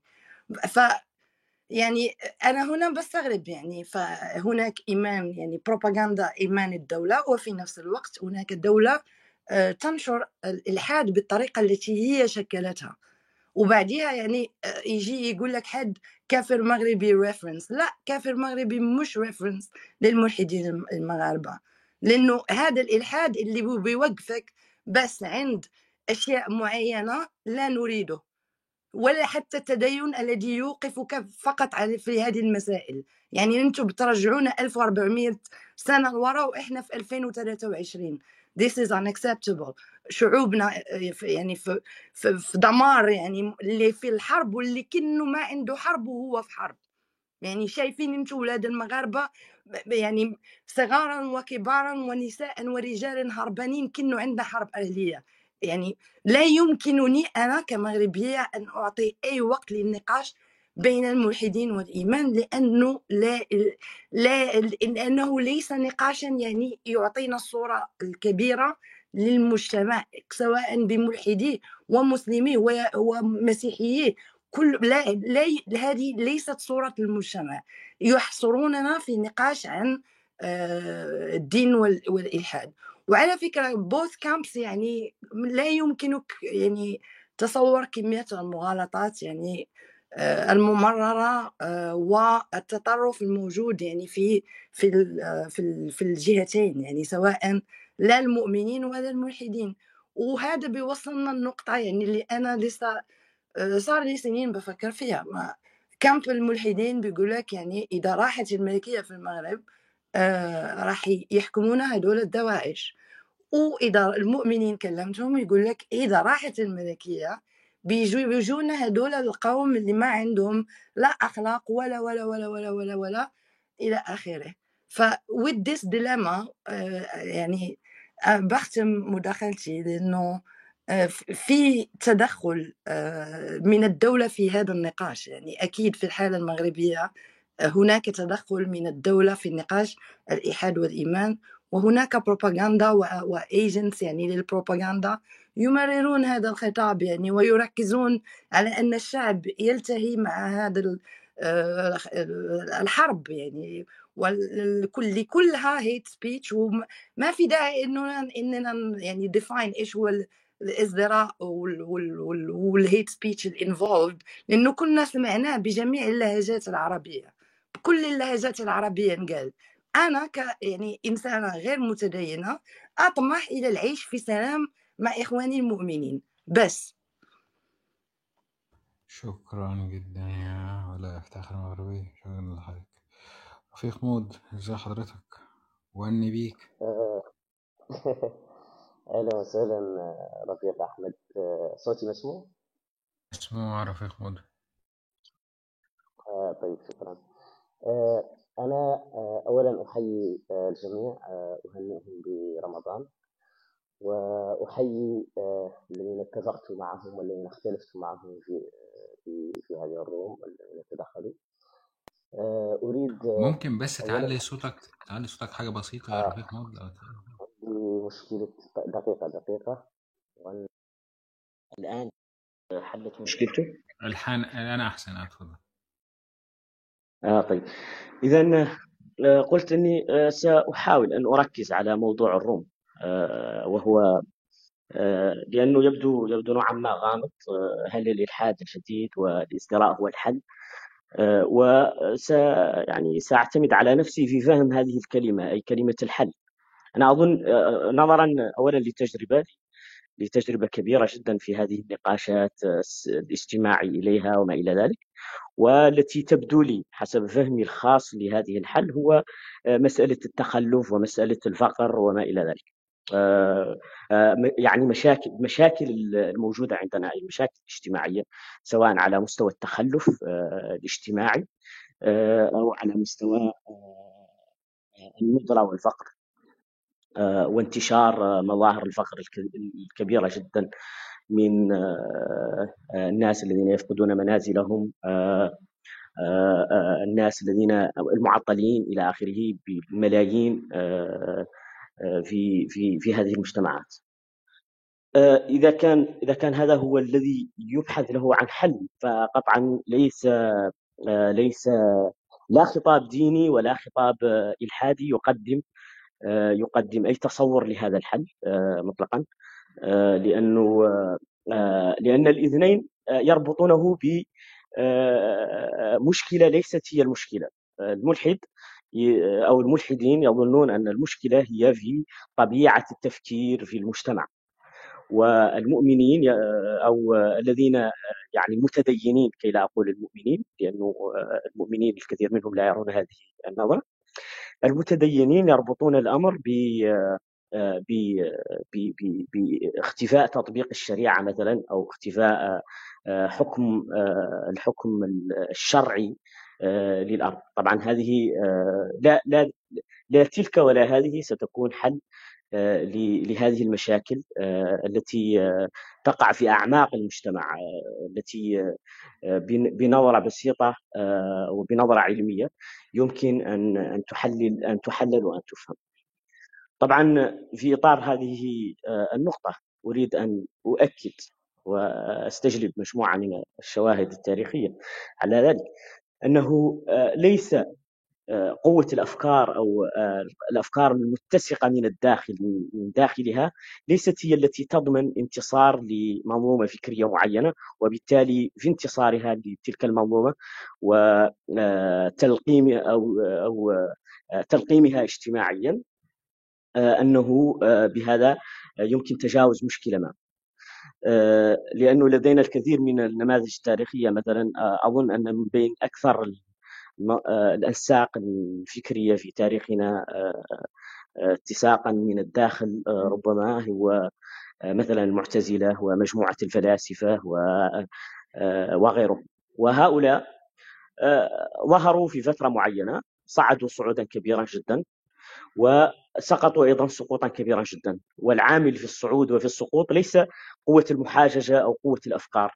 وإنما آه، الإرادة آه، السياسية أو اراده آه، الفئة التي الفئة التي تحكم فحين ترى في مصلحتها ذلك ذلك النسق الفكري المتعلق بالمعتزلة مثلا ستعتمده. وحين اتضح لها أيضا أنه خطير عليها بدأت في تدميره. هنا أيضا سأقفز إلى نقطة أخرى وهي موضوع الحرية. آه، أنه هل الحرية فعلا هي التي آه، تأتي بالتقدم؟ الحرية بمعنى حرية التعبير والحريات الفردية وما إلى ذلك هي التي تأتي بهذا التقدم أم أنها هي نتيجة لهذا التقدم؟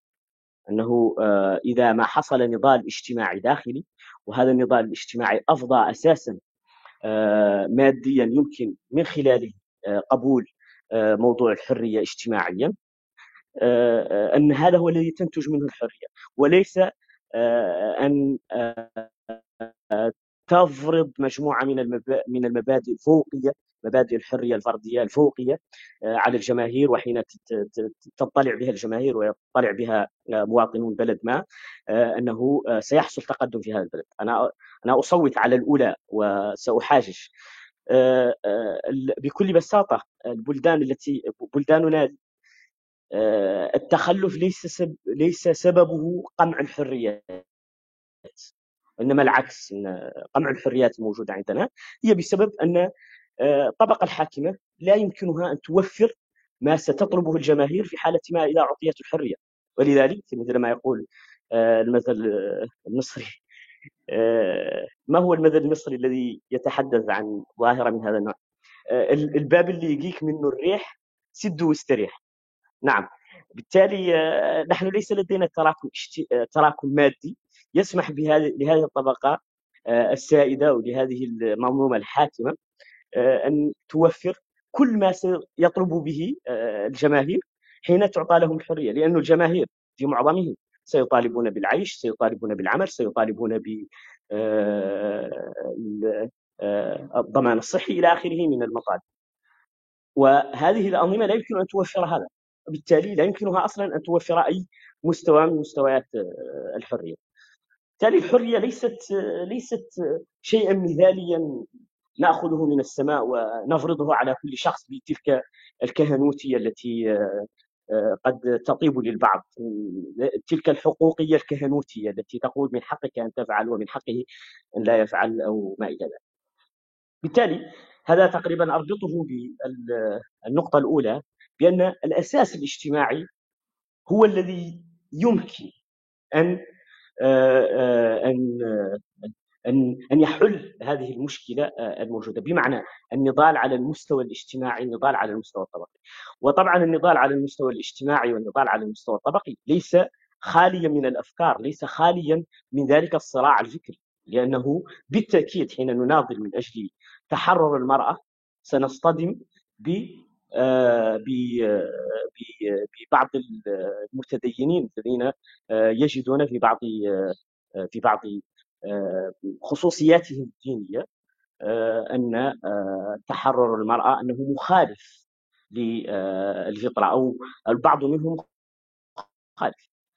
هذه هذا نمط من النضال الاجتماعي لأنه مرتبط بحياه هؤلاء النساء وحتى الكثير من الرجال مرتبط بحياتهم. وهذا كمثال بالتأكيد سيكون هناك أيضا ذلك الصراع مع ما يسمى بالإلحاد الشديد وأفكاره الغريبة حول حول ذلك تلك الأفكار حول القدرية. أظن أن أحد كهنة هذا الإلحاد الجديد وهو سام هاريس لديه بعض الإسهامات في هذا هذه هذه هذا و والمتصهين ما اسمه هذا نوح هراري هراري نوح هؤلاء لديهم مجموعة من الأفكار التي يمكنها ان تناقش أي شيء إلا أنه يمكن أن يحصل تغيير في في, في الرأسمالية. ومن أجل تبرير خلود نهائي للرأسمالية يمكنهم أن آه، يعني يقدموا آه، أسوأ آه، الأفكار العلمية من قبيل أننا نعيش لحظات سبق وأن بر...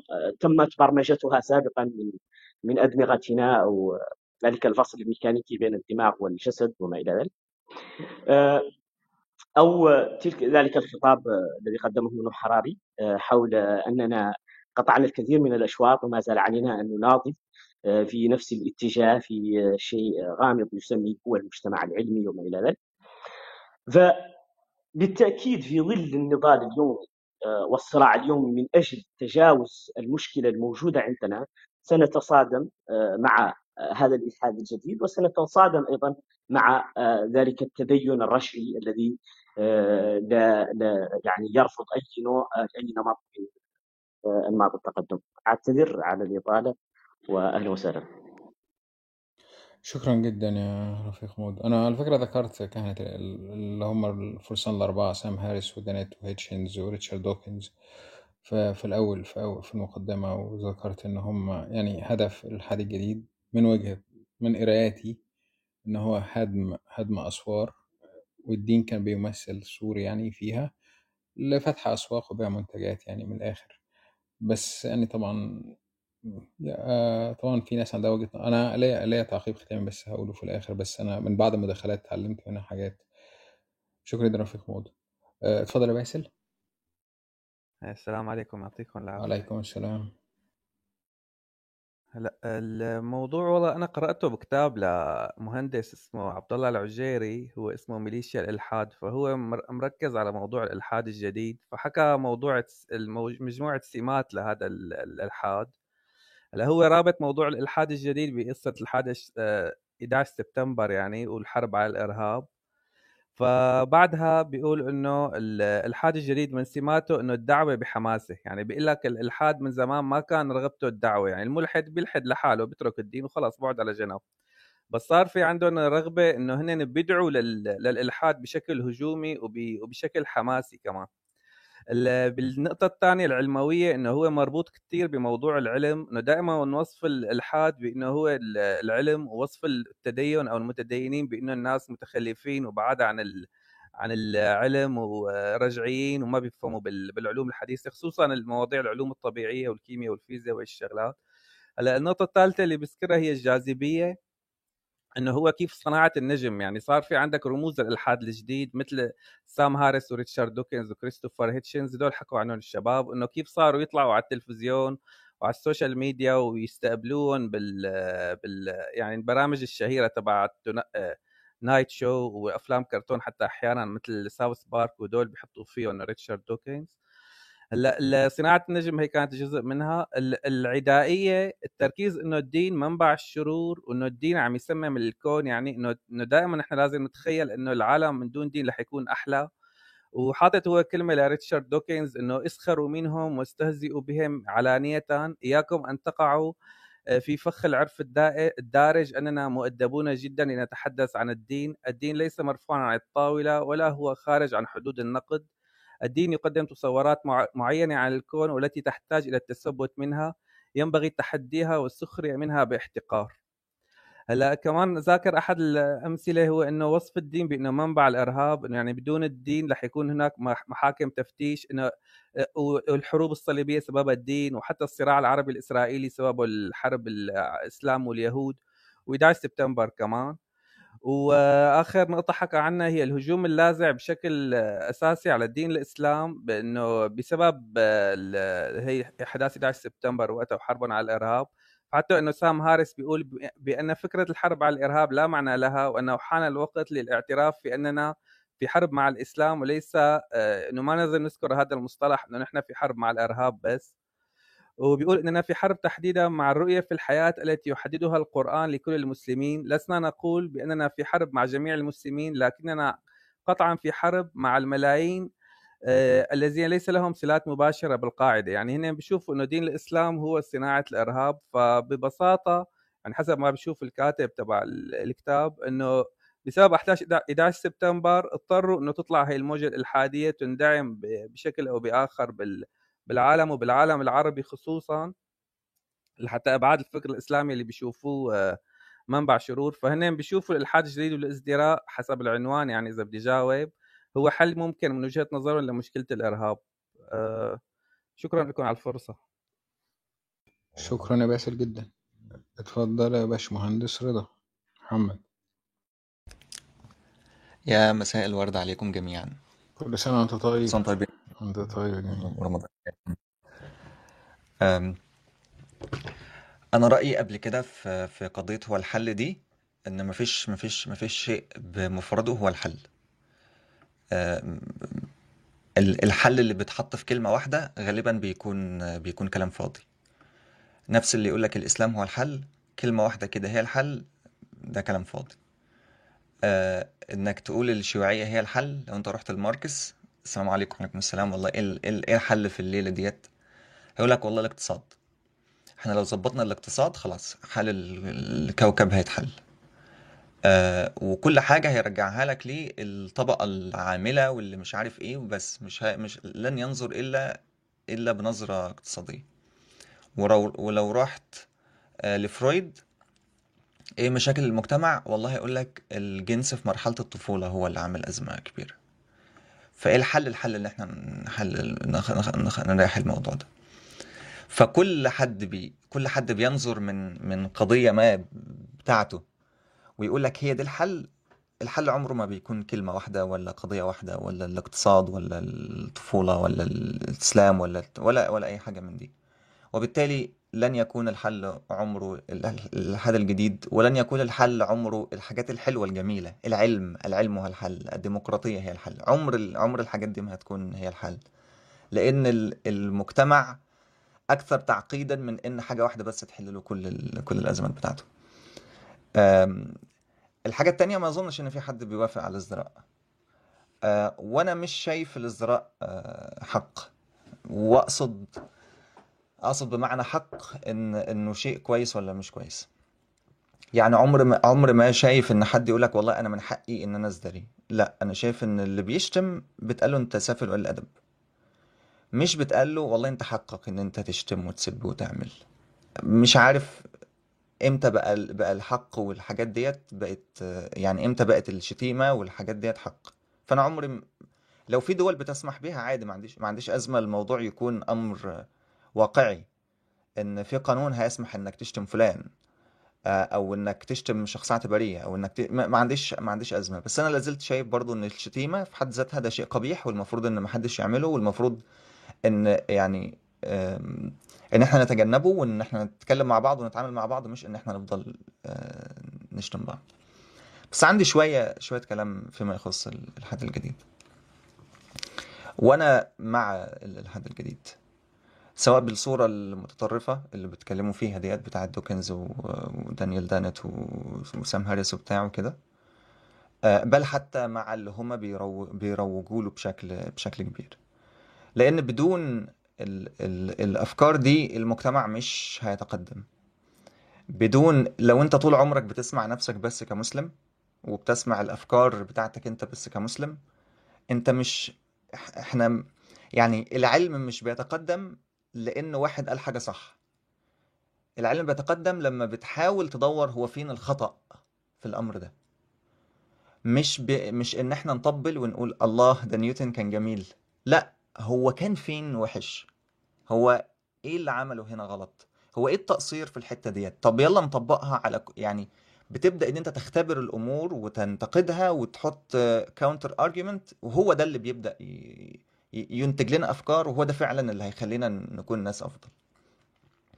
عمرنا ما كان هيطلع لنا كتاب مثلا زي مصادر الشعر الجاهلي وقيمتها التاريخية بدون تشكيك طه حسين في كتابه في الشعر الجاهلي. فأوقات إنك تقول الفكرة اللي هي التشكيكية ديت هي دي اللي هتخليك بعد كده تنتج كتاب عظيم زي بتاع دكتور نصر الدين الأسد. عمر ما كان هيطلع لك الفلسفة بتاعت سقراط وأرسطو والناس بعد كده إلا بوجود السوفسطائيين. عمر ما كانت هتطلع نظرية المعرفة وإن إزاي يا جماعة نعرف بدون الناس اللي هم اللا قادرين اللي مش عارفين أي حاجة في أي حاجة. عمر ما كان هيطلع لنا المنهج العلمي الحديث إلا لما كان عندنا خرافة. لولا وجود الخرافة وال وال وال, وال... آه، والحاجات اللي لقيناها مش شغالة ما كانش هيطلع لنا منهج لأ يا جماعة ده يبدو إن الأمر ده غلط ويلا نتشالنج الأفكار اللي موجودة ديت ويلا إن إحنا نحاول نجيب حاجة جديدة. آه، كذلك ما كانش هيطلع عندنا الفكر الإسلامي ال- اللي إحنا بنفخر بيه النهارده بدون وجود الملحدين. هو ليه أصلا طلع علم الكلام؟ اللي طلع بعد كده منه أصول الفقه اللي حط أصول الفقه المتكلمين. طب بسبب إيه يا ترى؟ بسبب إيه جم المتكلمين دول؟ بسبب الملحدين. بسبب الزنادقة والبراهمة وال- والثانوية والمنوية والناس دي كلها. فأنت متخيل لما يكون عندك ليه أصلا عملنا علم الحديث؟ علشان في ناس كذابين. فبدون الناس الكذابين ما كنتش هطلع علم الحديث. بدون الزنادقة ما كنتش هطلع علم الكلام. ما كنتش هطلع أصول الفقه. ف... فأنت محتاج. ال- محتاج إنك تسمع فعلا كل الأفكار. محتاج إنك تسمع الإلحاد والمسيحية واليهودية وما... وكل ال... كل الحاجات دي محتاجهم يشتغلوا بقوة. علشان تبدأ تت- تتشالنج الأفكار اللي بتتقال. بيطلع لنا كذا مشكلة من الحتة دي. والدين لازم يدخل في الموضوع يعني لازم تقول هو مين يا جماعة بينتقد الدين؟ الانتقاد بيكون للخطاب الديني. المشكلة إن الخطاب الديني هو اللي بيحط لك الدين بينك وبينه. يعني لما تيجي تتكلم في حد آه وتقول له آه آه السلام عليكم والله أنا عايز أعمل قانون جديد هيقول لك لا حبيبي الدين هو اللي بيقول لي كذا. هو ده مش كلامي ده كلام الدين. فهو اللي بدأ يخليك تشتبك مع الله. انت مش بتشتبك معاه ولا بتشتبك مع فكره. انت بتشتبك مع الله. خلاص الموضوع انتهى. فالتاني محتاج يأتي إليك بشيء مقدس هو كمان. إنك أنت برضو مش هتشتبك معايا. لأ أنت بتشتبك مع العلم. فليه دايما ال- ال- ال- الملحدين تلاقيه تتبنى خطاب العلم يقول والعقلانية تقول؟ لأن هو عايز يرد على فكرة الله المقدسة اللي عندك دي. فأنا كمان هقول لك أنت مفكر إن أنا اللي بقول ده العلم هو اللي بيقول. ده ده الكلام المنطقي الحاجات اللي أنتوا بتقولوا ده مش مش مش مش منطقي. ليه هتلاقي دي زيادة هناك؟ لأن ده برضه ردة فعل لله اللي بيقول مش أنا اللي بقول. طب هل فعلا الله بيقول؟ لا. طب هل فعلا التاني العلم بيقول؟ لا العلم بيقول ولا بطيخ. هل فعلا الأمور بالشكل اللي بيتم تصويرها؟ آه كنت لسه بسمع حوار لدوكنز من أسبوع باين أو أسبوعين كان موجود مع بيرس مورجان وكان بيتكلم معاه وبتاع وكده. وجه قال له آه، إيه الحاجة اللي أنت تتمنى إن أنت تعرفها في العلم؟ يعني لو في حاجة قبل ما تموت كده هتموت وإنك تعرفها. فأنا قلت إحنا عندنا مليار حاجة نتمنى إن إحنا نعرفها. أما رد عليه بحاجة تافهة جدا جدا جدا جدا. أظن قال له آه، أتمنى أعرف في aliens ولا مفيش الينز إيه يا مولانا؟ يعني ده يعني العلم بقى هنموت لو ما عرفناش في الينز ولا لأ؟ دي الحاجة الوحيدة اللي بتؤرقنا في العلم الوقتي في الينز ولا مفيش طب هو ليه عايز يوصل لك الصورة دي؟ ليه كان الجواب بتاعه في الينز ولا مفيش لأن هو عايز يقول لك إحنا إحنا إحنا العلم العلم كامل يا ريس. إحنا الدنيا عندنا تمام والحاجات دي إحنا حيلا بندور على في الينز وإحنا قاعدين بقى نفهم نتفرج كده في كائنات فضائية ولا مفيش كائنات فضائية؟ وكأننا عرفنا نشأة الكون وكأننا عرفنا موضوع الإرادة وكأننا عرفنا ال- ال- الوعي وكأننا عرفنا نشأة الحياة وكأن الحاجات دي خلصانة وبتاع وكأن ال- القوى الكونية خلصناها. كل الحاجات دي عملناها وقاعدين بقى فاضيين آه، هو في إلينز ولا مفيش؟ ليه الإجابة التافهة؟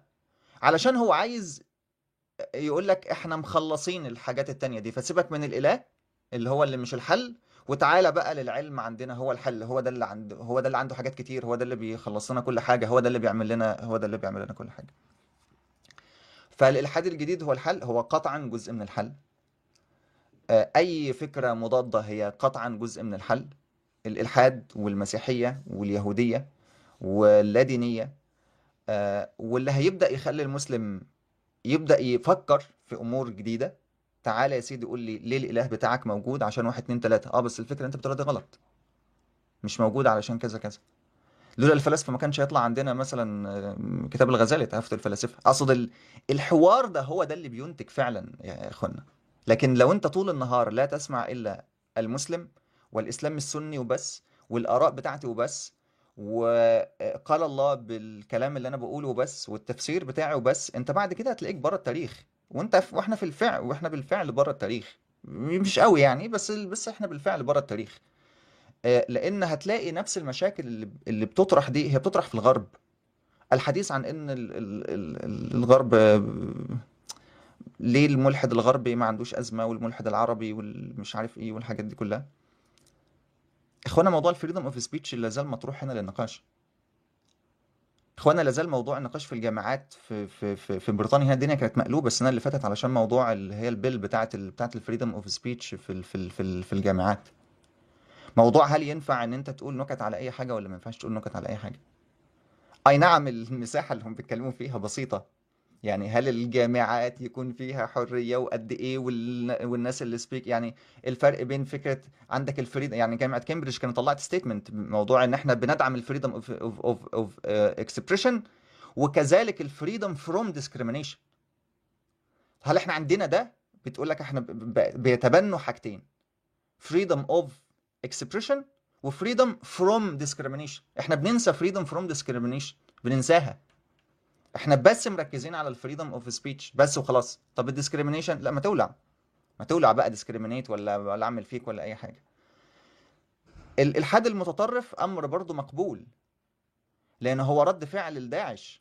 أنت عندك داعش يا مولانا بتقتل الناس. فأنت زعلان من إن جاي واحد بي بي- بيشتم ربنا؟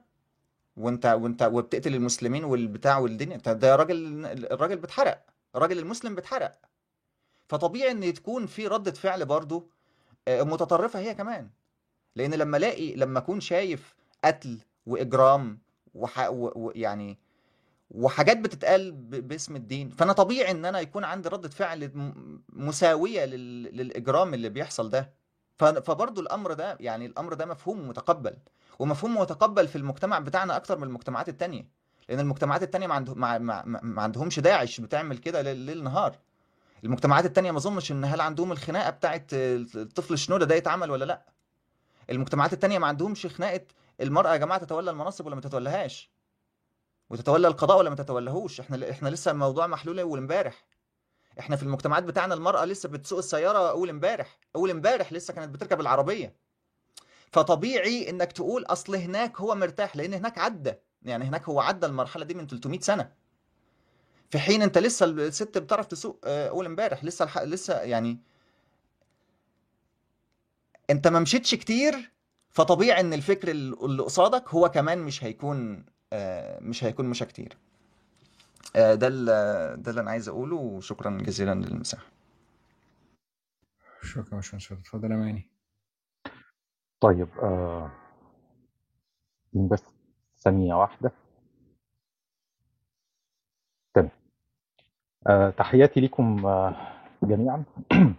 مساء الخير عليك يا البيدي وتروتسكي و- ونو واي تحياتي لكم جميعا ورمضان كريم عليكم وعلى أسركم كل وانت وعلى كل طيب الناس اللي بتسمعنا. وأنت طيب يا باشا. طيب آه أنا بس أول حاجة كانت جذبتني إن أنا أرفع إيدي الصراحة يا البيدي هو ال link اللي أنت كنت حاطته في ال channel بتاعت التليجرام. لماذا يحدث. لما فتحت ال link اللي هو المفروض إن هو من ال UN اللي فهمته من الكلام إن هو هنا بيتكلم على استخدام آه، إن أنت تزدري أشخاص بناء على دينهم مش ازدراء الدين شخصيا بذات نفسه. آه، يعني بيقول إن أنت ما ينفعش إن أنت تروح تقول مثلا على سبيل المثال البوذيين كلهم ولاد كلب عشان هم بوذيين. تمام؟ فده اللي هنا اللي بيتكلم عليه اللينك اللي انت حاطه. مش بيتكلم على فكرة إن أنت تزدري الدين ذات نفسه تروح تقول بقى إن البوذية ذات نفسها بنت كلب. مش ده اللي بيقوله آه شخص أو مجموعة بس في حد امبارح على كلاب هاوس آه وهقول لك اسمه بس بعدين مداخله طويله البيت الناس. ماشي لا لا لا لا عادي عادي بس قال المسلمين والمؤمنين وال- والسلفيين يا باشا اللي والإخوان يقول كده حمار. يا باشا اللي يقول كده اللي يزدري أي فئة أو مجموعة بناء على جنس دين عرق ده شخص مريض قولا واحدا. قولا واحدا. لأن يعني أصل أصل هو ببساطة شديدة يعني. ما أنا أبويا وأمي وأهلي ما هم مسلمين يعني بكرههم شايفهم ناس تستحق القتل. أكيد لأ يعني. أكيد أنا ما انسلختش للدرجة دي من عشان سبت الدين إن أنا بقيت شايف إن الناس كلها سيئة. لسه ناس كويسة ولسه أنا بأدين بكتير بالفضل بسببهم ومن الأخلاق اللي أنا واخدهم بسببهم. فيعني الف- الفكرة دي فكرة عبثية جدا. لكن لازم نعمل الفصل ما بين الشخص وما بين الفكرة اللي هو مقتنع بيها. ما ينفعش إن أنا أدينك عشان أنت مقتنع بالفكرة دي بس ينفع أدين الفكرة نفسها. حاجتين مختلفتين وده اللينك اللي أنت حاطه. طيب اللي بعد كده برضو اللي أنا عايز أتكلم عليه هو تعريف الازدراء لأن الواقع الأمر إن إحنا ما عندناش وده اللي كان نوي قاله من شوية إحنا ما عندناش خط كده نقدر إن إحنا نقول والله الازدراء بيبدأ من عند كذا وينتهي عند كذا. لأن كلمة ازدراء لما بتروح تبص عليها في المعجم مش مكتوب قدامها سباب. لأ الازدراء مكتوب قدامه في المعجم هو ال- ال- التقليل أو الاحتقار. إن أنت أو الاستخفاف الاستخفاف أو الاحتقار. فأنا النهارده يوم ما هاجي أبتدي إن أنا أروح مثلا على سبيل المثال أدعي إن رسول الإسلام ما هوش رسول. أليس هذا باستخفاف أو تقليل من شأنه؟ هل هنا أنا آه، يتم آه، معاقبتي على إن أنا كده بزدري؟ شفت الخط ممكن يبدأ من بدري فين؟ لمجرد بس إن أنا رفضت نبوة رسول الإسلام. طب ما أنا لا ديني ما دي قناعتي. طب إزاي حضرتك بتقول لي إن أنا عندي حرية اعتقاد وفي نفس الوقت بتقول لي إن أنت اللي أنت مقتنع بيه ده بيصنف إن هو ازدراء وبيضايقني وهعاقبك وأحبسك لو أنت اتكلمت فيه. فكرة السباب أنا مش معاها لا شكلا ولا موضوعا لسبب بسيط جدا ومع إني إن أنا مش معاها إلا إن تم نعتي على إن أنا من المزدرين يعني معناه أكتر من أكتر الناس اللي ضد الازدراء ضده لسبب مش ضده في المطلق. ضده لأن أنا جاي على Clubhouse هو برنامج تحاوري برنامج social media مبني في الأساس على إن المختلفين بيتكلموا علشان يوصلوا لأراضي ومناطق مشتركة ويتبادلوا الافكار طب أنا لو طلعت بسب وهنا أنا مش مش بقول بزدري بسب. لو طلعت بسب هقيم مع الآخر حوار إزاي؟ هيسمعني إزاي يعني؟ وأنا طالع بقول له رسولك كذا وكذا وكذا وكذا وكذا وكذا. بسب سباب مش بنعت أوصاف. لأن في فرق كتير كبير جدا لأن إحنا إن إحنا نميز كده ونرسم الخط ما بين الازدراء وما بين السباب السباب هو أكيد أمر مرفوض وأنا هرجع لفكرة السباب دي قدام شوية في مداخلتي. بس أنا عايز أركز أكتر على مجتمع الكلاب هاوس لأن أنا الصراحه مش معني بالفرسان الأربعة ولا يفرقوا معايا في حاجة. الناس دي عايشة في كوكب تاني اسمه دول العالم الأول. مشاكلهم بتاعتهم سلطاتهم بابا غنوجهم ملوش علاقة بيا. بمجتمع اللي أنا بطلع بتكلم عليه اللي اسمه كلاب هاوس لأن المجتمع الكلاب هاوس اللي نطق باللغة العربية هو انعكاس لجزء صغير كده من المجتمع اللي نطق باللغة العربية. المصريين اللي موجودين هنا على كلاب هاوس ما هماش مستوردين من الصين والله. لا دول مصريين بجد. فأكيد ده انعكاس لكل اختلافاتنا وتنوعنا وأفكارنا المتباينة. فده اللي يعنيني أكتر إن أنا أتكلم عليه الانعكاس اللي اسمه كلاب هاوس اللي إحنا كلنا طالعين في الفضاء بتاعه بنتكلم أما سام هاريس له ما له من الطبيعة عليه يعني. ان هو يروح يبقى صهيوني ينعل يحرق إن هو يعمل كده. بس هو مش مقدس بالنسبة لي هو مش النبي بتاعي. هو لو سام هاريس قال حاجة غلط هطلع أقول إنه الكلام ده الكلام اللي بيقوله ده كلام فارغ وكلام أهبل ولا يفرق معايا. سواء هو أو دوكنز أو أي حد من الناس دي. ففي هنا برضو آه، أنا ما أعرفش البيدي بس ده اللي أنا حسيته إن آه، إن أنت بتحط الفرسان الأربعة في مقابل المقدسين في الدين. إن مثلا شخص آه، عمر بن الخطاب أو أبو بكر رضي الله عنهم هو مساوي للفرسان الاربعه لا. لا. لا لا لا لا لا, لا. أنا بربط خطاب ال ال ال- إلحاد ال new atheism أو إلحاد الجديد ببعض ببعض مش كل طبعا خطابات اللادينيين. لا وأنا قلت في لا وكررتها كذا مرة يعني. لا في ناس لادينيين ما بيزدروش آه، دي حقيقة. آه، خطابها ولا وخطابهم مش خطاب كراهية. بس بعض اللادينيين بيتبنوا خطاب سام هاريس. اللادينيين الموجودين على Clubhouse. بعضهم وليس كلهم ممكن ما يبقوش كتير. سام هاريس ودينيت وهيتشنز ودوكنز وساعات ماجد نواز وأنا هرس علي ده اللي قلت في الأول. بيتبنوا لا ما ربطوش بالصحابة خالص. لا خالص. بس كان قصدي إن بعض اللادينيين هنا بي- بياخدوا الخطاب ده وعايزين يعني حتى هتلاقي في منهم خطابهم مثلا مع مع كان الصهيوني مثلا. بستغرب قوي. حتى مرة أنا كنت عملنا روم أنا ونوي ومع أحمد سامي. حتى أحمد سامي لما سألته سؤال طب ليه بعض اللادينيين طبعا مش كلهم برضو مواقفهم آه، مع ضد القضية الفلسطينية ومع الكيان الصهيوني. قال لي في بعض اللادينيين في مصر ما بياكلوش حلاوة المولد. ضحكت ساعتها. ما بياكلوش عشان اسمها حلاوة المولد يعني. أنت فاهم؟ فلا يعني مش قصدي خالص طيب برضو أنا ما ينفعش آخد ال- أعمل خطاب تعميمي. وأنا هضرب لك مثل. كان في دكتورة مشهورة آه، فه عين. دكتورة فه عين كانت مشهورة جدا على كلاب هاوس ولما تبنت الخطاب آه، خطاب فيه آه، جزء صهيوني وأعلنت ده كده المجتمع اللاديني هو اللي نبذها. فما نقدرش نقول إن الأصل إن اللادينيين واقفين ضد القضية الفلسطينية وإن هم بيعملوا اللي بيعمله سام هاريس. أنا بجيب لك أنا بضرب لك مث- أمثلة واقع وكانت الرومات بتاعتها بيبقى فيها في 200 و300 و400 وطلعت من الكلاب هاوس كله.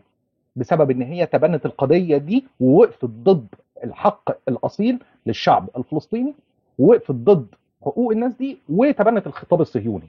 المجتمع اللاديني هو اللي نبذها لأن هي أصلا غرفها كانت مليئة باللادينيين مش مليئة بالمسلمين. مش المسلمين اللي كانوا بيروحوا بيحبوا يعني في جمال الدكتوره فيه عين يعني.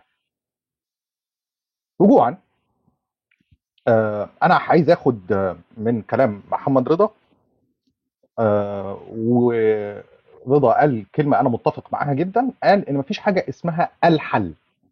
مفيش حاجة اسمها إن ال- الإسلام هو الحل. مفيش حاجة اسمها اللا دينية هي الحل. مفيش حاجة مفيش مفيش. بس هل أنا مجبر بقى إن أنا لما أحاول إن أنا أحل أطرح الموضوع من كل الجوانب؟ هيبقى الطرح ده مظبوط لو أنا محتاج إن أنا أعمل ده لو أنا بس الوحيد اللي عايش في المجتمع.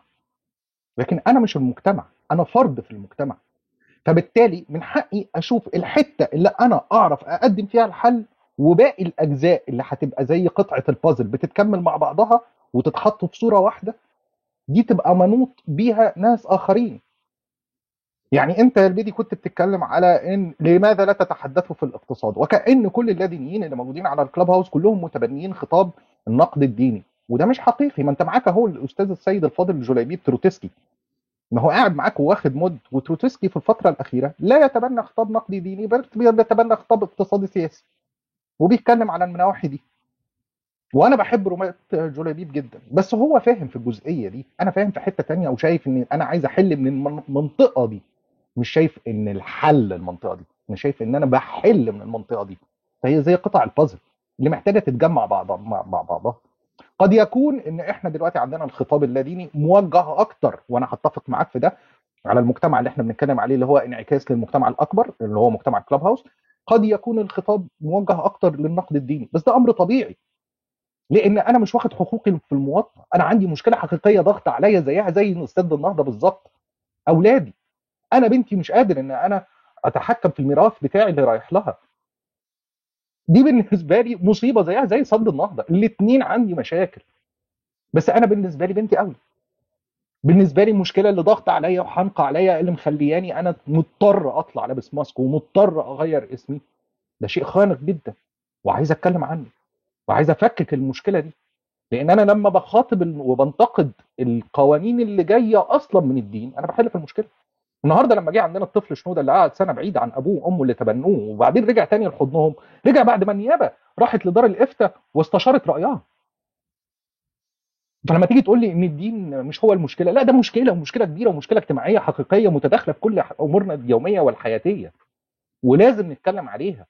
لو إحنا عايزين نعبر ونعرف نعيش مع بعض. في نقطة كمان أنا سمعتها آه، هل الملحد بيضع العلم في مقابل الدين وبيقدس العلم؟ الحقيقة لا. العلم مبني على الشك والموضوعية والدين مبني على اليقين والإيمان. ملحد لو استخدم العلم بيبقى عشان شايف إن الدين بيتم إدخاله في العلم. وإحنا عندنا مشكلة كبيرة في الجزئية دي. لما تيجي تبص على مجتمع تاني الكلاب هاوس هتلاقي إن أكم من المسطحين اللي موجودين وبيؤمنوا بإن الأرض مسطحة هل ده بسبب الإلحاد؟ لا ده بسبب الدين. الراجل ده راح فتح النصوص دي وقرأ فيها ما يدل على إن الأرض مسطحة فرفض العلم وقرر إن الأرض مسطحة. ما سمعناش الحوارات دي؟ هل أنا جايب مثلا الكلام ده من دماغي؟ الناس دي مش موجودة؟ هل بتلاقي بقى إن في مسطحين لا دينيين ليه؟ لأن هو راجل موضوعي. هو راجل أصلا بيستخدم الحجة والدليل. ده راجل ما لقاش دليل على الله فرفض الفكرة. فما عندوش مشكلة معاها. ولو حاولنا نعمل المزج ما بين الاثنين علشان نحاول إن إحنا زي كده برضو فكرة الصحابة وسام هاريس اللي أنت وضحتها إن إحنا نحط الاثنين ده بيقدس العلم وده بيقدس الدين لأ لأن العلم مبني أصلا على التشكيك. العلم أصلا بيقول لك إن أنت محتاج إن أنت دايما تنقده ودايما تفكر ودايما توصل للأحسن فيه لأن هو ما فيهوش آخر. أخيرا آم،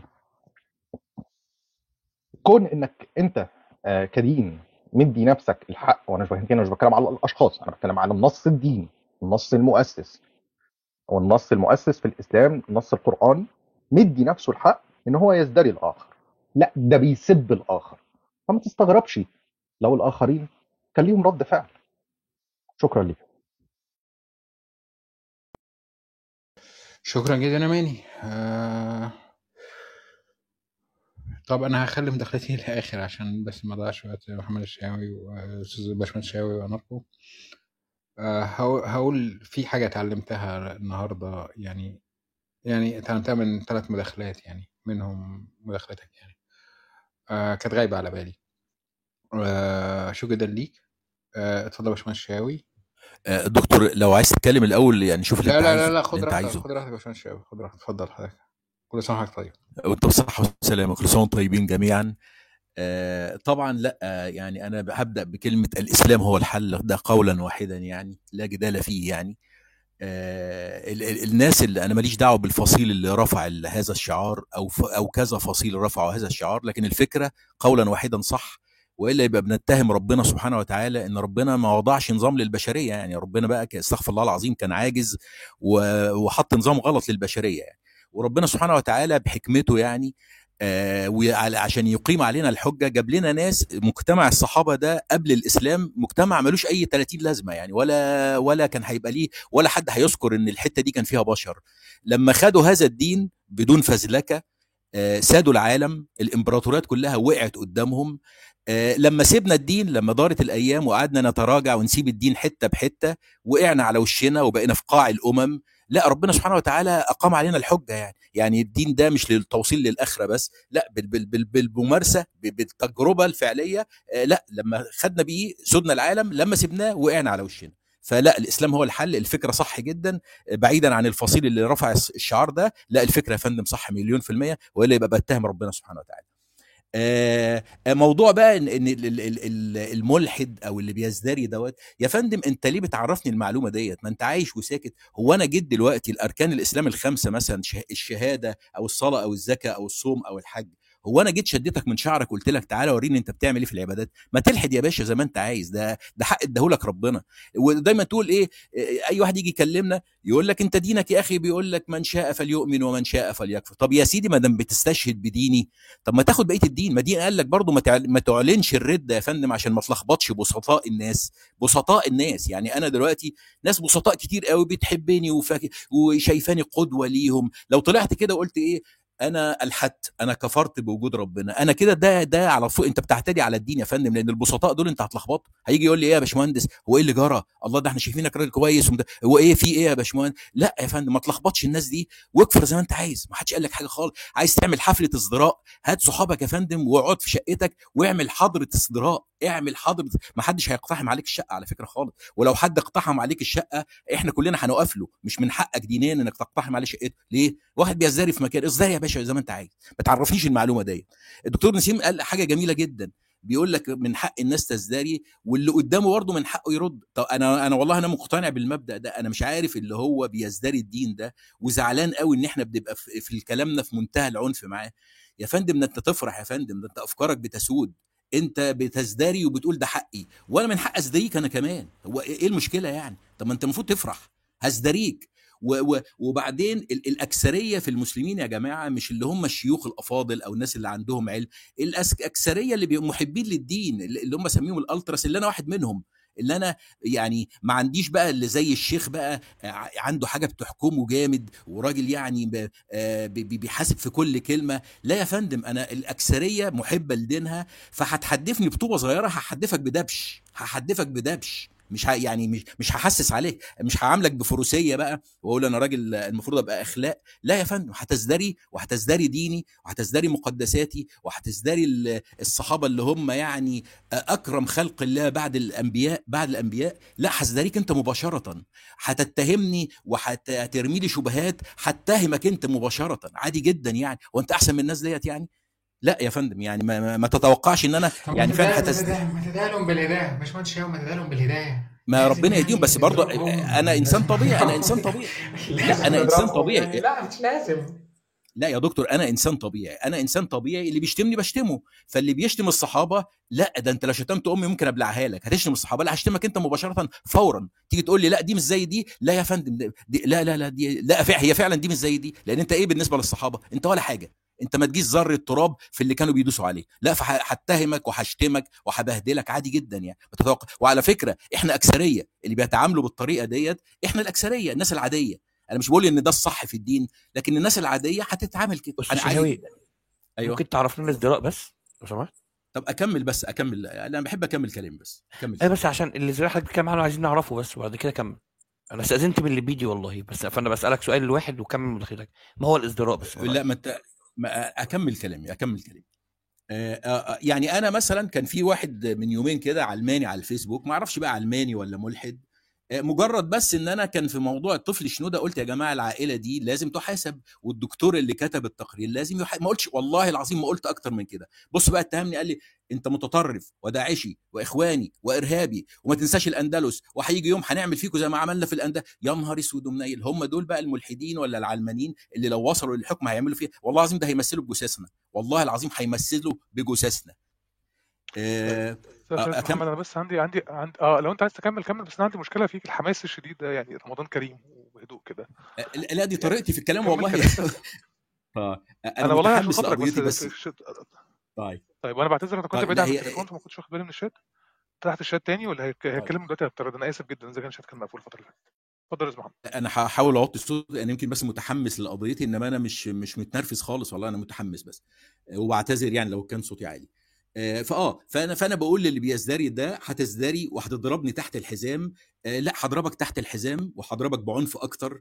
ومش هعاملك كفارس إن أنا بقى بأخلاق فروسية وتقول لي لا أنت لا يا فندم أنا راجل طب عادي طب جدا. آه، يا باشمهندس شاوي طب ليه إحنا يعني إحنا كأخلاقنا كمسلمين يعني يعني ما بتقولش كده؟ يعني ليه إحنا نضرب يعني نضرب واحد يعني أخطأ؟ ليه ما يعني ما يعني نحسن إليه مثلا طب ندعي بالهداية؟ ممكن ما, ما أنا بقول لك. ممكن بس تسأله أنت طيب؟ ما هي حدود الإزراء؟ بلاش تعريف الإزراء حدوده بس. هكمل كلامي هجاوب على سؤالك بس سيبه سيبه سيبه آه، هكمل كلامي على سؤالك. يعني أنا بكلمك يعني الرسول صلى الله عليه وسلم يعني يعني آه، لو اتق الله حيثما كنت و... وأتبع السيئات الحسنة تمحوها وخ... وخلق الناس بخلق حسن. فده حديث الرسول صلى الله عليه وسلم. إحنا ليه إحنا أنا ليه أنا ما قلتش خالص اللي أنا بقوله ده الصح يا قلبي. أنا ما قلتش خالص يا دكتور كده. أنا ما قلتش إن بقول يا جماعة اعملوا كده. لا خالص. إنما أنا بقول لحضرتك أنا ماشي في الشارع أنا ومولانا شيخ الأزهر. واحد شتمني. هتعمل كده. بس بس سؤالي بس مش خاطر أنا والله دايما الكتاب ده ببقى عايز حد أكمل بس أكمل. آه. طيب حاضر. لو القانون بيجرم الشخص ده وهيحبسه وجرم الكلام بتاعك ده وحبسك ده هيبقى كويس عادي خلاص أنا سا... ما خلاص لو القانون حبسي أنا هاخد بالي بقى من القانون. حلو قوي يعني أنت لو أنت لو, لو يعني الكلام اللي أنت بتقوله ده لو تم اعتباره في أي تكييف في أي دعوة قضائية إن ده تحريض على العنف أو تحريف على القتل والشخص قتلك هيبقى الموضوع عادي جدا. أنت بتقول إن ده الصح ده مش دينك وأنت بتقول إن ده مش الدين بتاعنا ده اللي أنت شايفه صح وده اللي أنت هتعمله. وأنا ب... أنا ب... على فكرة بحييك جدا أنا ما قلتش ده أنا ان ما قلتش إن ده شايفه صح. أنا بقول ده ده رد فعل ناس كتير زي حالاتي. الناس أقول لحضرتك حاجة. بالظبط كده أنا ماشي والشيخ الأزهر ماشيين اتشتمنا إحنا الاثنين شيخ الأزهر هيقول له إيه؟ يا ابني اتق الله ما تعملش كده. أنا هقول له يا ابني 60 في 70 وهديله بالشلوت وهتف في وش. ده ده رد فعل أنا رد فعلي كده. وناس كتير أغل... الأغلبية رد فعلها كده. إيه الفرق بقى بين ده وبين الشخص اللي بيزدري لأن في واحد مسلم ضايقه. هو هو. عادي يعني. في واحد واحد واحد واحد مسلم ضايق شخص ملحد فالشخص ده راح شتم الدين كله أو شتم الشخص أو شتم الشخص بألفاظ فيها فيها حاجات دينية. أنا أنا مش مش قادر مش قادر أقول لحضرتك ان إذا كان ده صح ولا غلط. أنا فاهم ده رد فعلك وأنا أنا محترم إنك أنت بتقول إن هو ده و... وأنا ما قلتش إن ده الصح وبقول يا جماعة يا مسلمين اعملوا كده. أنا ما بقولش اعمل كده. إنما ال- اللي بيزدري دوت آه، خلاص أنت صاحب قضية وشايف إن الإزدراء ده كويس وهيوصلك لشيء كويس خليك مناضل واستحمل بقى استحمل ردود فعل الناس. هو ده ردود فعل أغلبية البشر العاديين خالص اللي هم بقى لا على علم ولا حاجة اللي زي حالاتي كده. لا هتلاقي رد فعل عنيف جدا. وأقول لك حاجة بقى أنت قاعد تقول حقوقي حقوقي أنا مش عارف إيه حقوقك اللي أنت عايزها لأن مفيش حد بيجبرك على أي عبادة ولا أي حاجة. لا يا فندم أنت والله العظيم بتحط نفسك في خطورة شديدة جدا. ليه يا فندم؟ لأني أنا كمجتمع لما تعرفني المعلومة ديت عندك أنا لما تطلع لي 500 قانون أنا أنا هخلي حياتك صعبة جدا عارف إزاي؟ مش هتعامل معاك مش هت... لا بيع ولا شراء ولا هأجر لك شقة ولا هستأجر عندك ولا هدخل بيتك ولا هتدخل بيت. ليه؟ لأن أنت عرفتني المعلومة دي. أنت تعرفها لي ليه؟ ما أنت عايش وساكت وبينك وبين نفسك. اكفر يا سيدي اكفر وخلي قلبك مطمئن بالكفر ولا يهمك. عيش حياتك. أنت تعرفني المعلومة دي ليه؟ بتصعب حياتك ليه؟ انت يا عم حتى لو مخك عرفك بيها إيه مشكلتك يا أستاذ محمد؟ يعني في الآخر أنا أقول لك على حاجة ما أنا بقول لك أهو أنت مشكلتك قانون إن القانون المجتمعي يكون رافض ده لكن أنا في الآخر هو لو راجل ملحد وطلع قال أنا ملحد وأعلن إن هو في المنطقة اللي هو فيها إن هو ملحد والمنطقة اللي هو فيها متقبلة ده وأنت جيت من بره قلت له أنت بتقول أنت ملحد ليه؟ عادي جدا وأنا القانون عندي كده أحطك في السجن أنت مالك؟ أنت اللي مالك؟ يعني هو بيشهر عن إلحاده فإيه طب مشكلتك خلاص هو زعلان مني ليه بقى؟ م... يعني بجد إيه زعلان المعضلة؟ مني ليه بقى إن أنا كل يوم أفتح غرفة؟ محدش زعلان من أي حد والفكرة كلها في القانون طب اللي بيننا خلاص وبعض اللي بيحكمنا. لو القانون في مصر في يوم من الأيام لو القانون في مصر في يوم من الأيام طلع قال إن إن هو ما يقولش إن هو ملحد وهو لو طلع قال إن هو ملحد هيتقبض عليه وأنت شايف إنك تروح تشتكي في الاسم تمام. وهو في نفس السياق لو راح الناحية الثانية قال إن أنت شخص بتحرض عليه عشان خاطر يتقتل وهو في دبوس في الأرض دبوس في الأرض شوكه فراح اشتكاك إن أنت حطيت دبوس في الأرض ده وأنت اتحبست تمام ربنا يوفقكم مع بعض بس مش مشكلة خالص. على فكرة يعني هو هي دي زي دي. بس أنا ما عنديش مشاكل خالص إن في حد يقول إن هو ملحد. ربنا يوفقك بس أنا م- بعيد عني يعني طالما يعني طالما ما جاش عندي البيت. بس أنا مش بحرض على قتله لأن ديني بيمنعني كده ببساطة شديدة. يعني ديني بيمنعني إن أنا خالص ديني بيمنعني من هذا. دي مش دي مش مسؤوليتي أنا خالص يعني. فاللي أنا عايز أقوله يعني إن حتى لو طلعت قانون يحميك حضرتك لا أنا كمجتمع القانون مش هيجبرني إن أنا أتعامل معاك مش هتعامل معاك. يعني ال ال الكيان السافل اللي جنبنا الكيان الصهيوني ده لغاية دلوقتي مش عارف يطبق مع الشعب المصري يعني. اللي بيطبق اللي بيشت- بيطبق معاه أو بيشتغل معاهم بيستخبى من الناس بي... لأن ممكن تجارته تتأثر جامد جدا بيستخبى. فأنت هتتعامل نفس المعاملة. فأنا مش عارف أنت كل يوم تفتح لي غرفة مثلا كيف خرجنا من الإسلام؟ وكيف دخلنا الصبح؟ وتاني كيف خرجنا من الإسلام؟ لا ده دي حرب على ديني يا فندم. دي حرب على ديني. إن أنت تقعد تشكك الناس كده لا دي حرب على البسطاء. أنا ديني ما فيهوش مشاكل خالص لكن دي حرب على البسطاء. لا وهقف ضدك جامد جدا وهبين لك كراهية واضحة جدا جدا بمنتهى ال- الوضوح يعني. أنا مش بحبك أنا بكرهك. لأن مجرد إعلانك كده أنت بتعتدي على ديني يا فندم. أنت بتعتدي على ديني. وقانون حقك آه وفي الازدراء بقى عندنا في بلد زي مصر في قانون ازدراء يا فندم أنت أنت شايفني بزدريك روح خد حقك بالقانون ما تكلمنيش بقى وتقول لي أصل أنت بتشتمني أنا إنما أنا بشتم دينا يا سيدي أنت لو شايف إن أنا في في قانون يحميك هنا وإن أنت إن أنا بزدريك زي ما أنت بتزدري ديني روح يا فندم ارفع قضية ما توجعش دماغي ما تصدعنيش. روح ارفع عليا قضية ما تصدعنيش. بس كده. تمام. أوكي. أنا بس عندي عندي مشكلة في خطابه حضرتك محمد إن هو لما بيتمد على استقامته بيكون بيبان فيه سنة عنف. لكن أنا أنا بظني إن الموضوع أبسط من كده بكتير قوي يعني في الآخر أنت عايز تبين له إن هو مكروه. ربنا يوفقك يعني بس في الآخر لو أنا مثلا يعني نفس القصة لو أنا مش عايز أبيع له عشان هو آه، من ملحد أو مش عايز أشتري منه وأنا بلد محترمة فيها قانون أنا أروح في 60 في 60 م- مش ده. لأنه يعني أقول ملحد إن أنا لأنه أعلن لأنه أعلن لأنه وأنت مالك. انت انت مالك؟ طب وأنا مش هتاب انت مش مالك؟ وهو أنا مش ما هعامله برضه. ما, تزعلش مني برضه. انت مالك؟ أنا مش أنا مش وأنا مالي. طبعا وأنا مالي. أنا فكرة كلها إن أنت تقول بص يا أستاذ محمد أنت عايز أو أنا أنا آسف إن قلت حاجة إن أنت مالك. أنا ما أقصدش كده يا باشمهندس والله. أنا قصدي إن إن إن لو حضرتك مش هتعامله بشكل شخصي وأنت هتمنع أهل بيتك وأصحابك وتروح تقول لهم بشكل واضح يا جماعة بلاش نعمل ده مفيش مشكلة. لكن لو طلعت قلت للناس إحنا ما ينفعش نعمل ده عشان هو ملحد أنا أوديك في 60 داهية. هو يوديك في 60 داهية. أي حد مفيش حاجة اسمها كده. حضرتك عارف إن أنا لو بقدم على وظيفة يا أستاذ محمد باشمهندس محمد وأنا في الوظيفة بتاعتي اتقال في الوظيفة في أي دولة محترمة إن هو مثلا رفضني عشان خاطر أنا بشرتي لونها مختلف أنا أحبس صاحب الشركة؟ ممكن هو يرفضني غتاتة غلاسة لكن لو قال آه، هيروح في 60 داهية الغرفة مفيش مسجلة حاجة اسمها الغرفة كده. مسجلة الغرفة مسجلة. أنا أقسم بالله العظيم لو جالي واحد أنا ملحد في أنا شركتي لو واحد جه في شركتي والله ما هعينه. عشان السبب ده أنا لا أأتمنه أنا لا أأتمن ده بيخافش من ربنا. ده, ده لا أأتمنه على أي شيء. أقسم بالله العظيم ما أعينه في شركتي. أنا بقولها. يا يا باشمهندس محمد حضرتك لو أعلنت كده في دولة كراهية فيها يا قانون لو أنت قلت كده في دولة فيها قانون يا مختلف عن فندم أنا اي بقول أي لك دول أهو. من دول الغرب كافر؟ حقك. انت لو قلت كده لو قلت لو قلت له السبب ده والله يا باشمهندس محمد يعني نصيحة بحيك بص على القوانين يعني يمكن القوانين محتاجة إن انت مش مش طبعا أنا بقول لك حاجة أنا ما عنديش مشكلة مثلا مع المسيحي واليهودي. في عنده ربنا بيخاف منه. الملحد اللي ما بيخافش من حاجة ده ده ما عندوش جهاز رقابي ده ده يوديني في 60 داهية ده. ده ممكن يسرقني. ما عندوش ثانية ثانية يعني ثانية المسلم يسرقك عادي. والله أنا إنه آه، دي حقيقة. يعني إنه هو قال لك المسلم ممكن يسرقك المسيحي ممكن يسرقك ممكن لا دين يسرقك أي حد ممكن يسرقك.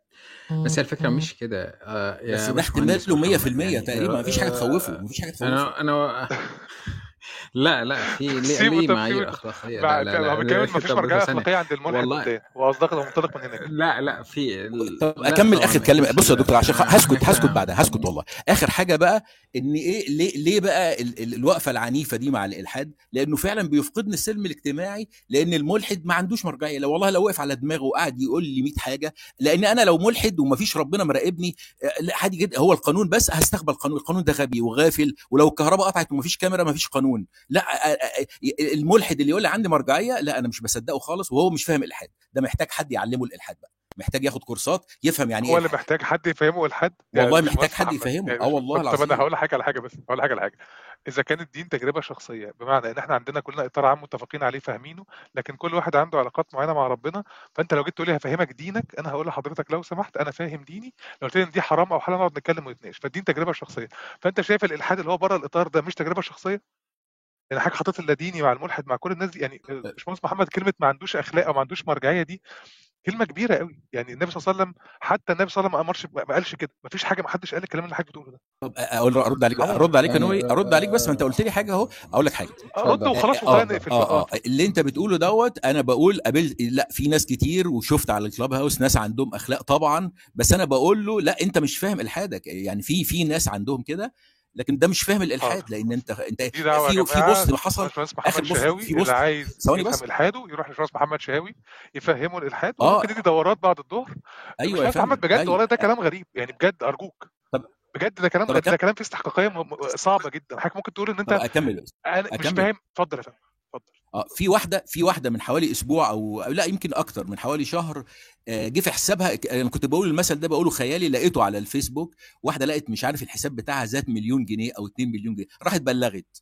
أنا لو ملحد والله العظيم ما هتحرك من مكاني ولا القانون هيحاسبني وجالي 2 مليون جنيه ألف أنا وشفا يا باشا. إيه إيه هروح أروح جه في حسابي إيه إيه الدافع اللي هيخليني أتحرك لكده لو الملحد ما عملش كده لا يبقى مش فاهم إلحاد على فكرة. وأقول له تعالى يا اسلم بقى بجد والله لأن أنت عندك في جواك خير يعني.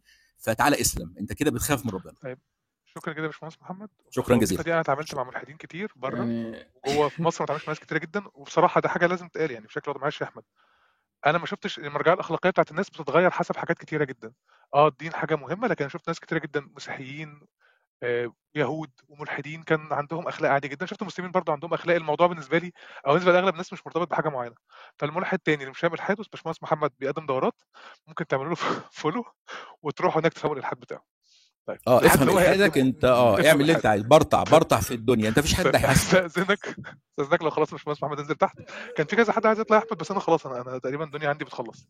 فلو أنت هتطلع الناس قول لي. لو كده بص هو يعني طبعا يعني في آية في آية دلوقتي في 40 سورة آل دقيقة. ممكن تفتح ال hand raise مثلا 10 دقايق؟ شوف انت لا انت 10 قدامك قد إيه دقايق. وقت أنا أنا عايز أنام. لا استنى بس. آه الفكرة عامة يعني في آية في سورة آل عمران أنا فاكرها اللي هو كان خطاب الله الرسول صلى الله عليه وسلم بيقول له لا إله إلا الله. أفتكر آه أمر بالعرف وأعرض عن طب ممكن على ما الجاهلين تفتكرها أقول و حاجة أنا صغيرة يا أحمد. أنا بس عايز أقول يا باشمهندس محمد إحنا يعني إحنا بنح- بنحاول نوضح يعني آه، يعني قبح بعض خطابات الناس اللادينيين هنا مش كلهم طبعا وقلنا مش كلهم وأكدنا على الكلام ده كذا مرة آه، وبنتكلم على اليمين المتطرف في الغرب. ما هو الخطاب ده برضه يا باشمهندس محمد للأسف يعني عامل زي خطاب اليمين المتطرف في الغرب يعني. ما يعني بصراحة يا باشمهندس محمد يعني آه، يعني للأسف الشديد يعني ما أعتقدش حضرتك وفقت في الحتة دي للأسف الشديد يعني. يلا كل سنة وأنتم طيبين. اتفضل يا ماركو. طيب شكرا. هو بس أنا م، تعقيبا بس بسيط كده. هو أنا مهما كنت بحاول أكون لبق أو أي حد كان هيحاول يكون لبق عشان يوصف خطاب الكراهية مش هيعرف يوصفه زي الأستاذ محمد شهوي. هو بالظبط قال خطاب الكراهية طب يعني تيبيكال يعني ما سابش جملة في تعريف خطاب الكراهية ما قالوش. حرفيا كل حاجة كل حاجة ينطبق عليها خطاب الكراهيه كان متبنيها. هتجاوز لا يا أستاذ هتجاوز ما لا والله ده على أنا ما أنا ما عكس شخصنتش أنا بتكلم عن تعليقه عن خط... عن كلامه وتعريف لكلامه أنا ما قلتش أي حاجة عن شخصه شخصه على رأسي أكيد. لكن كتعريف للكلام اللي هو قاله هو خطاب الكراهيه بوضوح. الحاجة الثانية أنا نسيت أقولها في المداخلة الأولانية للبيدي زي ما كنا متفقين قبل كده الموضوع الإلحاد الجديد ده. أوكي ال- الم- المنطقة دي غامقة شوية لأن أنا ما عنديش حاجة اسمها إلحاد جديد وإلحاد قديم أو عشان أنا بقالي 10 سنين مثلا فبقيت أنا الملحد عشان أول أنت ما امبارح بتروحش باشمهندس محمد الشهاوي ما بتروحش هناك تتعلم إلحادك وأنت غلطان ومقصر في واجباتك فأرجو أنت بعد كده دي حقيقة. لا أنا بجد أنا مش فاهم انت مفيش حاجة اسمها كده. باشمهندس محمد شهاوي بيقدم دورات كل فترة. فأنت أنت مقصر. أنت لو كنت فاهم الحادك كنت فهمت يعني إيه الحاد الجديد والحاد القديم. أتفق. وفهمت أنا شخصيا بتعلم دلوقتي. فأرجو إن أنت آه بجد. وتاني حاجة بس عشان خاطر في حد بعت لي من حقه في مصر إنه ما يشغلوش إن هو ملحد لأن هو في مصر لو اتعرف إن هو ملحد غالبا هيحصل مشاكل تانية كتير غير إن هو يعني بس الكلام ما يتفهمش إن أنا بقول إن هو مش من حق من حق أي حد يقاطع أي حد. لكن في مصر لو جيت ما شغلتش حد إن هو ملحد الموضوع بحاجة حاجة تانية مرعبة يعني. اتفضل يا باشمهندس. وأرجو حضرتك إنك تعمل باشمهندس محمد وتروح لغرفه طيب وهو لو عامل لك هو block يفك ال block عشان اتفضل. بالنسبة للناس أنت عايز تفهم في الحادك أنت كمان؟ والله الشات أنا أنا قفلت الشات من شوية لأني كنت عمال أجري ورا الناس أطردهم مش ملاحق. فقمت قافله. والشات لسه مفتوح فيعني إيه؟ خلاص إحنا حاجة. عدت مش دكتور تخنين كمان عايز يتكلم. خلي اناركو آه طيب. طيب خلي أنا قربت اخلص أنا مش هكمل دقيقة. طيب. آه موضوع الإلحاد الج- الجديد ده اللي إحنا اتكلمنا فيه قبل كده؟ أنا أنا رافض التصنيف ده لأنه آه اللي يندرج تحته بقى ال- الإلحاد الجديد الملحد الغاضب وكده. ماشي هو في حالة غضب آه كل الناس اللادينيين اللي بقالهم سنين طويلة أو حتى بقالهم فترة قليلة في بداية تركك للدين بيبقى عندك حالة غضب كده وحالة إعلان عن هوية وحالة انس... يعني بتقلع عباءة وبتلبس عباءة أخرى فبتحاول توريها بقدر الإمكان لأكبر قدر ممكن من الناس وده مفهوم. بس آه، أنا معاك في إن ال- الازدراء أمر غير مقبول بالمرة. آه، أو الازدراء ده اللي هو تحديدا بال بال- بالسب أو بالإهانة للشخصيات ال- المقدسة أو آه، لذات الالهيه العليا. ده مرفوض لأن هو يقطع جذور الحوار. فاذا هو مرفوض إذا كان هدفك الحوار. ولكن لو كان هدفك اللا حوار وبس هو التعبير عن رأيك فده حق مكفول. أنا بكفله عن نفسي بس أنا لا اتبناه فمفهوم ال- الالحاد الجديد اللي بيجي اللي هو من من رأيك أنت بيقارن بالدعشنة أو بالناس اللي بتقول الملحد أنا أقطع رقبته أو أقتله أو بي- بيقابل برد فعل سيء ده لأ ده مرفوض جدا برضو لأن مهما كان الملحد الجديد أو الالحاد الجديد ده مهما مهما عمل كبيره بيتكلم آخره لسانه آخره بس. فأنت ممكن إقصائك ليه يكون بالبلوك وخلصنا منه. لكن الداعشي بي بيقتل بيستبيح الدم بيقول إن هو مش هيشغله مش هيبيع له مش هيتاجر معاه مش هيأجر له. ده ده ال- ده المفهوم ال- ال- المقابل للإلحاد الجديد فإذا لا لا يجتمعان ابدا ولا يقارنان. شكرا لبيدي وشكرا لنوي ومفيش شكر لتورتسكي طبعا. آه آه طبعا آه طبعا الآية اللي في القرآن كانت بتقول في سورة آل عمران خد بالعفو وأمر بالعرف وأعرض عن الجاهلين. آه بس هي ال... أنا عارف متفهم غيرة الباشمهندس الشهاوي على دين إسلامي يعني وغيرته على دين وكل حاجة بس للأسف يا باشمهندس الشهاوي الخطاب بتاعك عنيف قوي قوي قوي يعني بصراحة يعني يا باشمهندس خلاص يا أحمد الراجل نزل تحت الراجل نزل تحت وإحنا علقنا عليه وأنا علقت عليه واناركو علق عليه خلاص. خلاص ماشي اتفضل يا دكتور خنين. آه شكرا أنا آسف أنا كنت موجود في الغرفة وخرجت لضرورة يعني وعدت يبدو أنه في آخر دقائق الغرفة وما راح أطول. آه بالأول يعني الشكر للقائمين على الغرفة وخاصة أنه آه عزيز أحمد بيفتح غرف رائعة. كنت أنا أيضا أستمع لغرفة عن الأحداث الداخلية في إسرائيل وكانت آه كثير جدا فيها معلومات راقية. آه، طبعا أتبع يعني هذه المواضيع لكن على الأقل يعني كان بتفصيلات يعني آه، يعني آه، واضحة للغاية لمن لا يعني يتتبع الأمور بشكل آه، متواصل. آه، قضية الغرفة هنا أنا بعتقد أنه في خلط بصير بين أنه أنت في برنامج يعني على الإنترنت آه، والتواصل الاجتماعي وأنه أنت مش مرتبط بقانون دولة معينة ولا مجتمع معين وإنه الناس الموجودين في دول في كل أنحاء العالم آه، بتطبعوا بشكل أو بآخر من المجتمعات اللي بيعيشوا فيها على الأقل في قضايا المعاملات يعني. آه، ممكن تبقى الاعتقادات لكن على الأقل يعني في كثير من الأحيان أنا بعتقد إنه المعاملات بصير فيها تجذيب يعني تحسين. آه، لكن آه، الإنسان اللي ما خرج يعني وبقي في منطقة معينة فبتكون عنده صورة أحادية. آه، المهم في الأمر أنا ما بدي أناقش تفاصيل الإلحاد جديد والإلحاد قديم لأنه الإلحاد طبعا في تنوع كثير يعني آه، وفي تدرج يعني للكبير للغاية. لكن اللي بدي أقوله إنه في المجتمع اللي بعيش فيه أنا مجتمع ملحد. آه،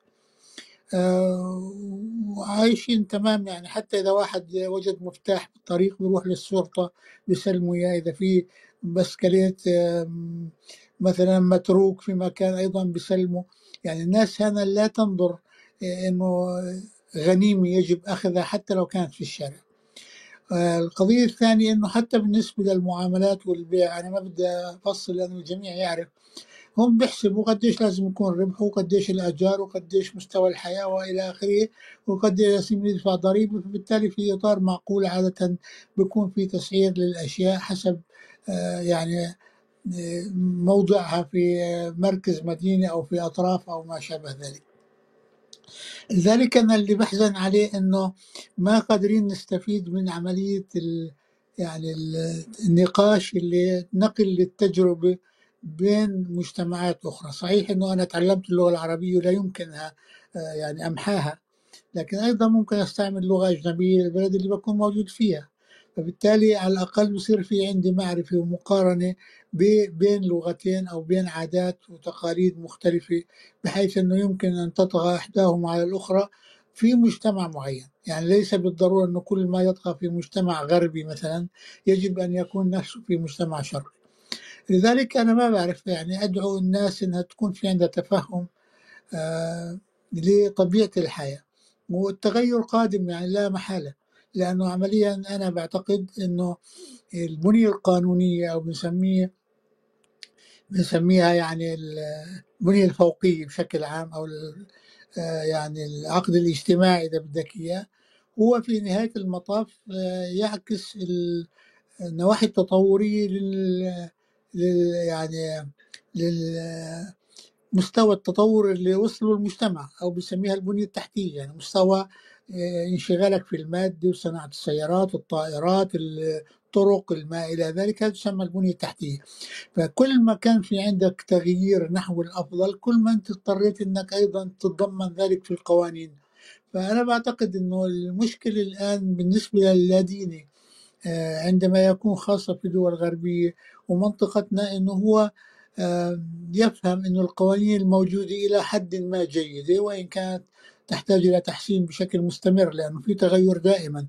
ولكن عندما يقارنها في مجتمعنا هذا لا يعني ابدا أنك تحمل هذا القانون وتضعه في منطقتنا لأنه أصلا مجتمعاتنا لم تتطور إلى ال- يعني المستوى الذي يمكن أن يكون في تغيير رغم أنه ما في دولة يعني تحكم بالشريعة الإسلامية الآن وإن كان في محاكم شرعية ومحاكم مدنية وفي هناك اعتقادات يعني شعبية عند الجميع بالموروث الديني بشكل يعني متواصل.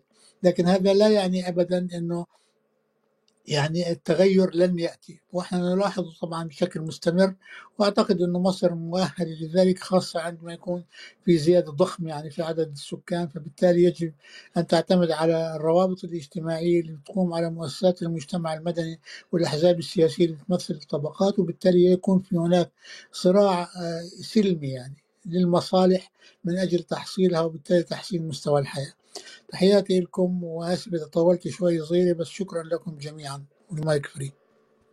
شكرا دكتور تخنين. شكرا جدا لحضرتك آه، اتفضل يا باشمهندس عمرو. هو بس نوي قال ما حدش يعلق على مداخلة ال- آه، مهندس الشهاوي وأنا كان ليا تعليقين على المداخلة فلو هيسمح لي ماشي مش هيسمح لي يبقى خلاص كده. يعني ما عنديش إضافة للي أنتوا قلتوه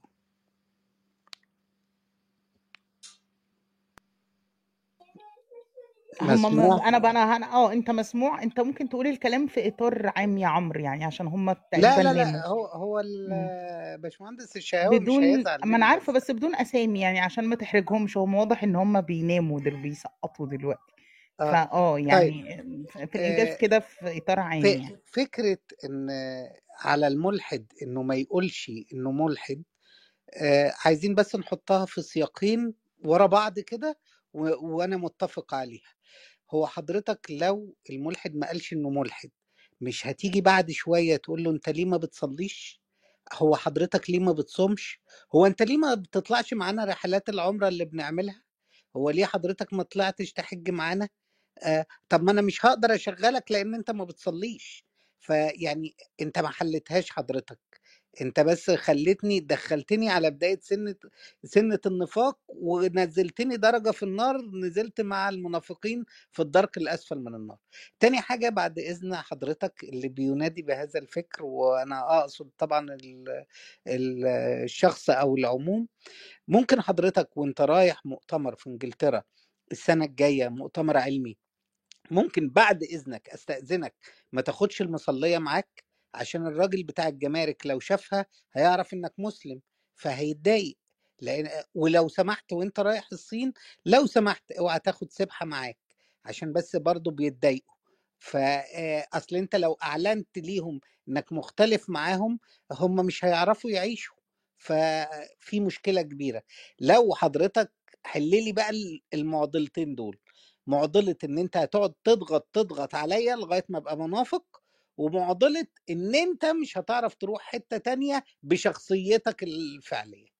ده كل مداخلتي وأنا آسف لو لو طولت ولا حاجة. شكرا. شكرا اتفضل دكتور رنان آه، ربنا يخليك يا دكتور لبيدي. آه، طيب آه، أنا بصراحة يعني في عندي مشكلة في اللي هو إيه أنت في الأول وفي الآخر اللي قصادك بيقول كلمة آه، وأنت ب... يعني لو مضينا الخط على استقامته خلاص كله بيقول كلام يا جماعة. اللي يتخطى حدود الكلام يتسجن. ما لو هي الموضوع كله في إطار ال- الكلام فخلاص كل واحد يقول اللي هو عايزه. يعني لو هتمد الخط على استقامته. لكن جو إن أنت تحاول تخرج طول الوقت الملحد في يعني لما بيخرج من الدين أو أي ملحد في إطار الكياتة ده شيء غريب جدا وما يدخلش دماغ عيل صغير الصراحة يعني. آه في ملحد غاضب وفي ملحد متطرف وفي ملحد داعشي يملك فكر داعش وفي ملحد عادي cute وفي ملحد مش مهتم أصلا. وفي ملحد عايز يبقى في حاله عادي وي- ويعيش حياته في البلد بالقوانين ال- اللي محطوطة بتاعة البلد. في عادي أنواع الملحدين. هم مش بشر ولا إيه؟ ولا هو بيخرج من الدين بيتحول روبوت ولا ولا أنا مش فاهمة يعني. ولا هو بيخرج من الدين بيبقى كيوت مثلا؟ أنا أنا لحد دلوقتي بجد الجملة دي أنا مش فاهماها. اللي هو ما ينفعش تقارن واحد بيقول كلمة آه، بس بواحد بيقول آه، إن الكلام اللي بيحصل ده غلط وإن الشخص ده خطر على المجتمع. ما عادي هو حر هو كمان يقول إنك خطر على المجتمع. عادي هو كمان حر يقول إن هو مش عايز يتعامل معاك ولا يشوف وشك.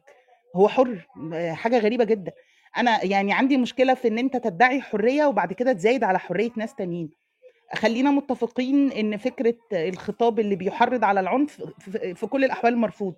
بس فكرة إن أنت طول الوقت تحط الملحد في إطار الكياتة وفي إطار إن هو يا حرام آه، أصل أنت مظلوم في البلد اللي أنت عايش فيها عشان أنت ملحد ده كلام أهبل.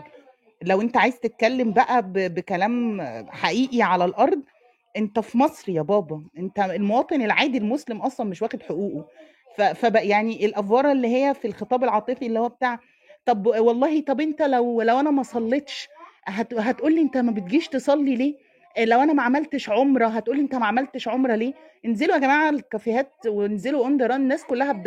يعني القهاوي شغالة الناس بتشرب سجاير وقهوة في كل حتة في اون ران وعادي عايشين حياتهم مثلا. أنا أنا عارفة ناس طول حياتي ما شفتهمش ركعوا ولا حد قال لهم أنت إزاي ما تركعهاش؟ يعني فعلا خلينا نتكلم على الأرض. بنتكلم بقى على الناس المتطرفين إنك لما يتعرف إنك ملحد في متطرفين معينين ممكن يستخدموا إيديهم. للاقتصاص منك آه. وفي واحد ملحد متطرف ممكن يستخدم إيده بسبب الغضب والعنف والغل اللي هو شايله. الدواعش إحنا اللي بنحاربهم مش الملحدين بصراحة. يعني شايفة المسلمين هم اللي بيحطوا السيف على ظهرهم وبيروحوا يحاربوا الدواعش. عشان كل ما حد يتكلم يقول لك أصل داعش أصل داعش أصل الداعشي أصل مش عارف إيه. هو مين قال إن إن الدعشنه حرية أصلا؟ أنت ال- أنت اللي على مسطرتك أنت وعلى الحاجات اللي أنت بتقولها أنت اللي هتخلي داعش حرية فكرية. أنت ه... أنت اللي هتخلي الفكر الداعشي حرية فكرية واحد بيعبر عن رأيه. أنت اللي هتخليه كده مش أنا. أنا اللي بحارب الفكر الداعشي أنا اللي بشد أي واحد عنده فكر داعشي على السجون. أنت أول واحد أصلا بت- بتشمت في أي حد بدقن بيتاخد على السجون لمجرد إن هو بدقن ومجرد إن هو متدين. أي واحد بيقول قال الله وقال الرسول أنت أنت أصلا بت... أنت بتعمل بلوكات لأي واحد بيقول إن في الإسلام في حاجة اسمها حد ردة. ليه؟ عشان خاطر أنت شايف إنه ده خطر عليك أنت. مع إنك أنت مثلا عندك القوانين مثلا واحد بيقتل واحد بيعمل أي مصيبة لو اتعدم أنت ما عندكش مشكلة في الإعدام لأنه بعيد عنك.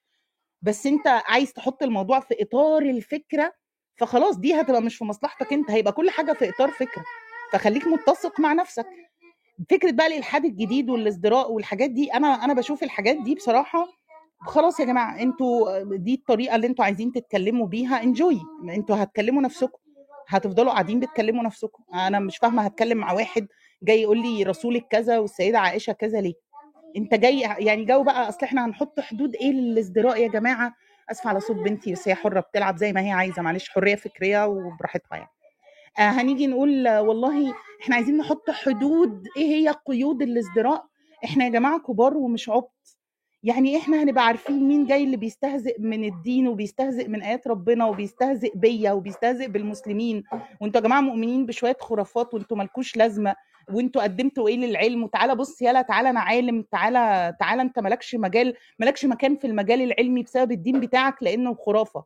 فأنت المجال العلمي أنت هتبقى أكيد بالضرورة فاشل فيه. طول ما أنت بتؤمن بالدين وب- وبالغيبيات أو بأي حاجة قالها الدين. فبصراحة يعني أنا شايفة برضو حتى كلمة خطاب كراهية اللي اللي بتطلق كده أي واحد ماشي بيستخدمها وأي واحد ماشي بيقولها أنا شايفة إنها موجودة في في جميع الأطراف في أطراف كتير جدا. أنا شايفة إن الشخص اللي طول الوقت طالع بيحرض على المسلمين وبيتكلم على المسلمين ويقول المسلمين دول كذا ودول كذا ودول كذا ما ده خطاب كراهية.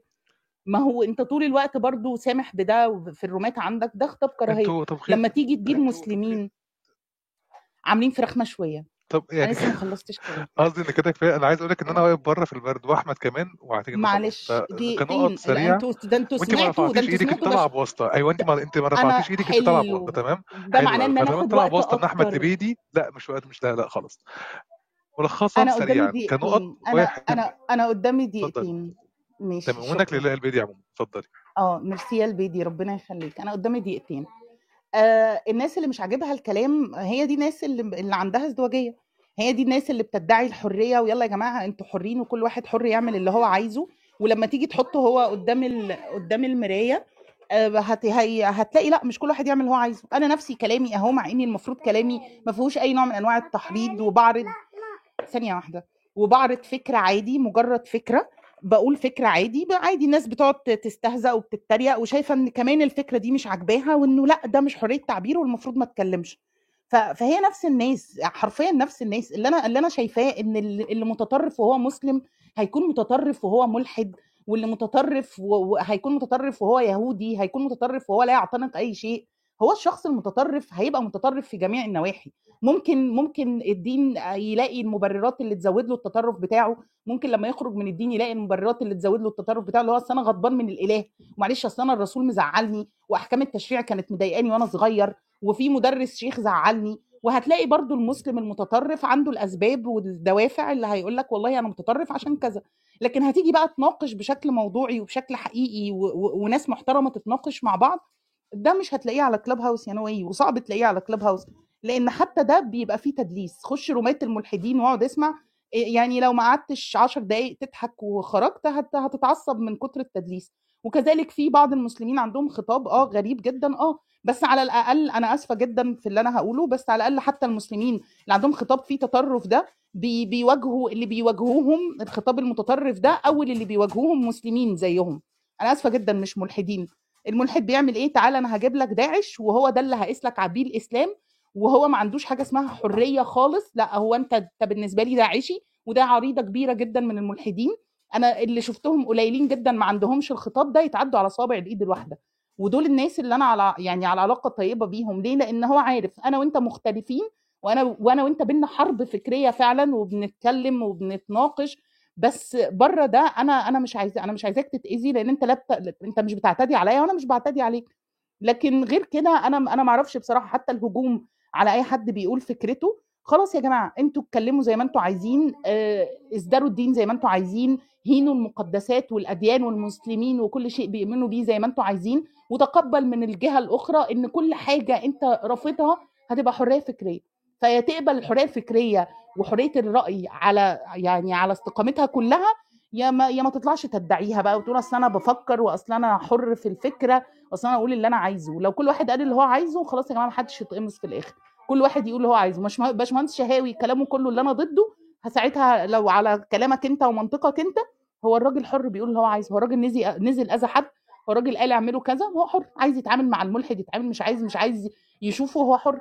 أنت في بلد فيها قانون؟ لو هو اعتدى عليك بأي شيء روح يا بابا قضي انجوي بس شكرا يا نوي وشكرا. لا أنت مش شكرا يا نوي عشان أنت قطعتني. شكرا يا البدي لا الأول وبعد كده شكرا يا نوي. وشكرا يا طب وجلابي؟ طيب آه لا ده ده كده فراخ كده. فراخ فراخ مشوية المشوية آه. بص يا ريت أنا أنا هعمل كفتة عشان خاطر الكفتة حرقة ناس كتير. آه أنا هعمل كفتة فعلا والله نفسي في الكفتة. مش فاهم ليه حرق بس. تمام اعملي كفتة؟ ما أعرفش والله. الفراخ آه المشويه يا ريت يا ريت وانت بتعمليها. يكون في طحينة عندكم سلطة خضراء كمان مفيدة جدا حاضر. جدا. حاضر. فطار وشوربه الأول. طيب ممكن تنزلي بقى حضرتك لو خلصتي. شكرا جدا لحضرتك شكرا جدا. حاضر شكرا. طيب إحنا ما خلصنا. الروم كانت مفتوحة والناس اللي عندها أي أسئلة لها علاقة بالإلحاد الجديد آه، يكلموا أستاذ أحمد آه، دكتور أحمد لبيدي لأن أنا مش عارف لسه ما فهمتش برضه الازدراء هو الحل. ممكن يكلموا دكتور أحمد لبيدي اللي عايز يشترك في دورات الإلحاد بتاعت الباشمهندس محمد شوقي اللي عندها قريب. شكرا جدا. رمضان كريم عليكم. لا لا استنى استنى استنى. لا الله الواحد لا الواحد أنا كان النقاش كان المفروض يبقى فكري شوية بس دخلنا في حتة ال- الصراعية اللي ما كنتش عايز أخش فيه.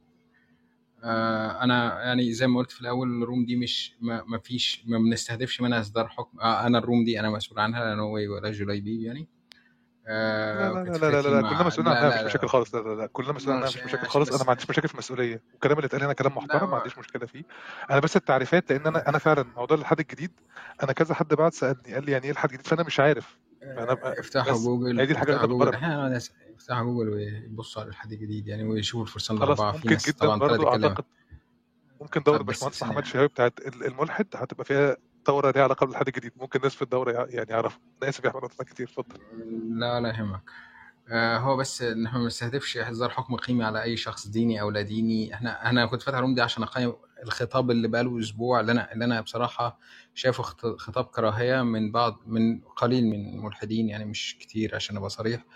خطاب بصراحة كله كراهية وتطرف بصراحة بس طبعا زي ما قلت مش كلهم. وعلى فكرة أنا قلت في أول روم برضو بنرجع لفضل الإخوة اللادينيين آه، إن هم كسروا حاجز الرهبة يعني في مناقشة القضايا الدينية اللي كانت تابوه. بأمانة بس بعض الخطابات آه، بصراحة بتاعتهم بصراحة آه، من من بعض الناس من اللادينيين آه، خطابات كراهية وازدراء وسب آه، الذات الإلهية وسب الرسول والرسول صلى الله عليه وسلم وأمهات المؤمنين وفي بعضهم بياخدوا المسيحية والعذراء بالمرة يعني بي- بيسبوا المؤمنين كلهم يعني.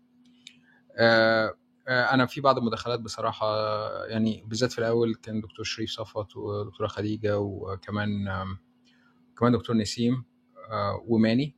آه، ركزوا على حتة إحنا أنا أنا بصراحة ما كنتش واخد يعني ما ركزتش عليها. اللي هي حتة التجربة الشخصية لكل واحد. أنت فعلا ما تعرفش التجربة الشخصية بتاعت حد. ممكن يكون جواه غضب أو تروما معينة. إحنا أنا عن نفسي ممكن ما يمكن لو حطيت نفسي مكانه آه، لو حطيت نفسي مكانه آه، آه، بس يعني الموضوع الموضوع ممكن أكون باصص للرؤيه بز- بزاوية أخرى. بس في الأول وفي الآخر أتمنى أتمنى يعني كثير من الصوابع السياسية في خطاب اللادينيين شوية. وأنا كان اختر... أنا مش بفرض وصاية على حد ولا عايز أفرض وصاية على حد ولا إحنا بنها... بنفرض وصاية على أي حد. آه بأمانة لأ إحنا بس بنقول في آه ده من وجهة نظري أنا في مشاكل مشاكل اقتصادية في بعض المشاكل الوجودية اللي بتهدد آه، آه، أمن بلاد كتير دي ممكن المشاكل دي تبقى أهم بكتير قوي أو من وجهة نظري أهم أهم لكن هم شايفين إن هم مسألة انه عدم الاعتراف بيهم كمواطنين مثلا في البلد ممكن دي بالنسبة لهم أهم أو شايفينها as مهمه as المشكلة المشكلة مشكلة مثلا زي المشكلة الاقتصادية أو كده حقهم طبعا.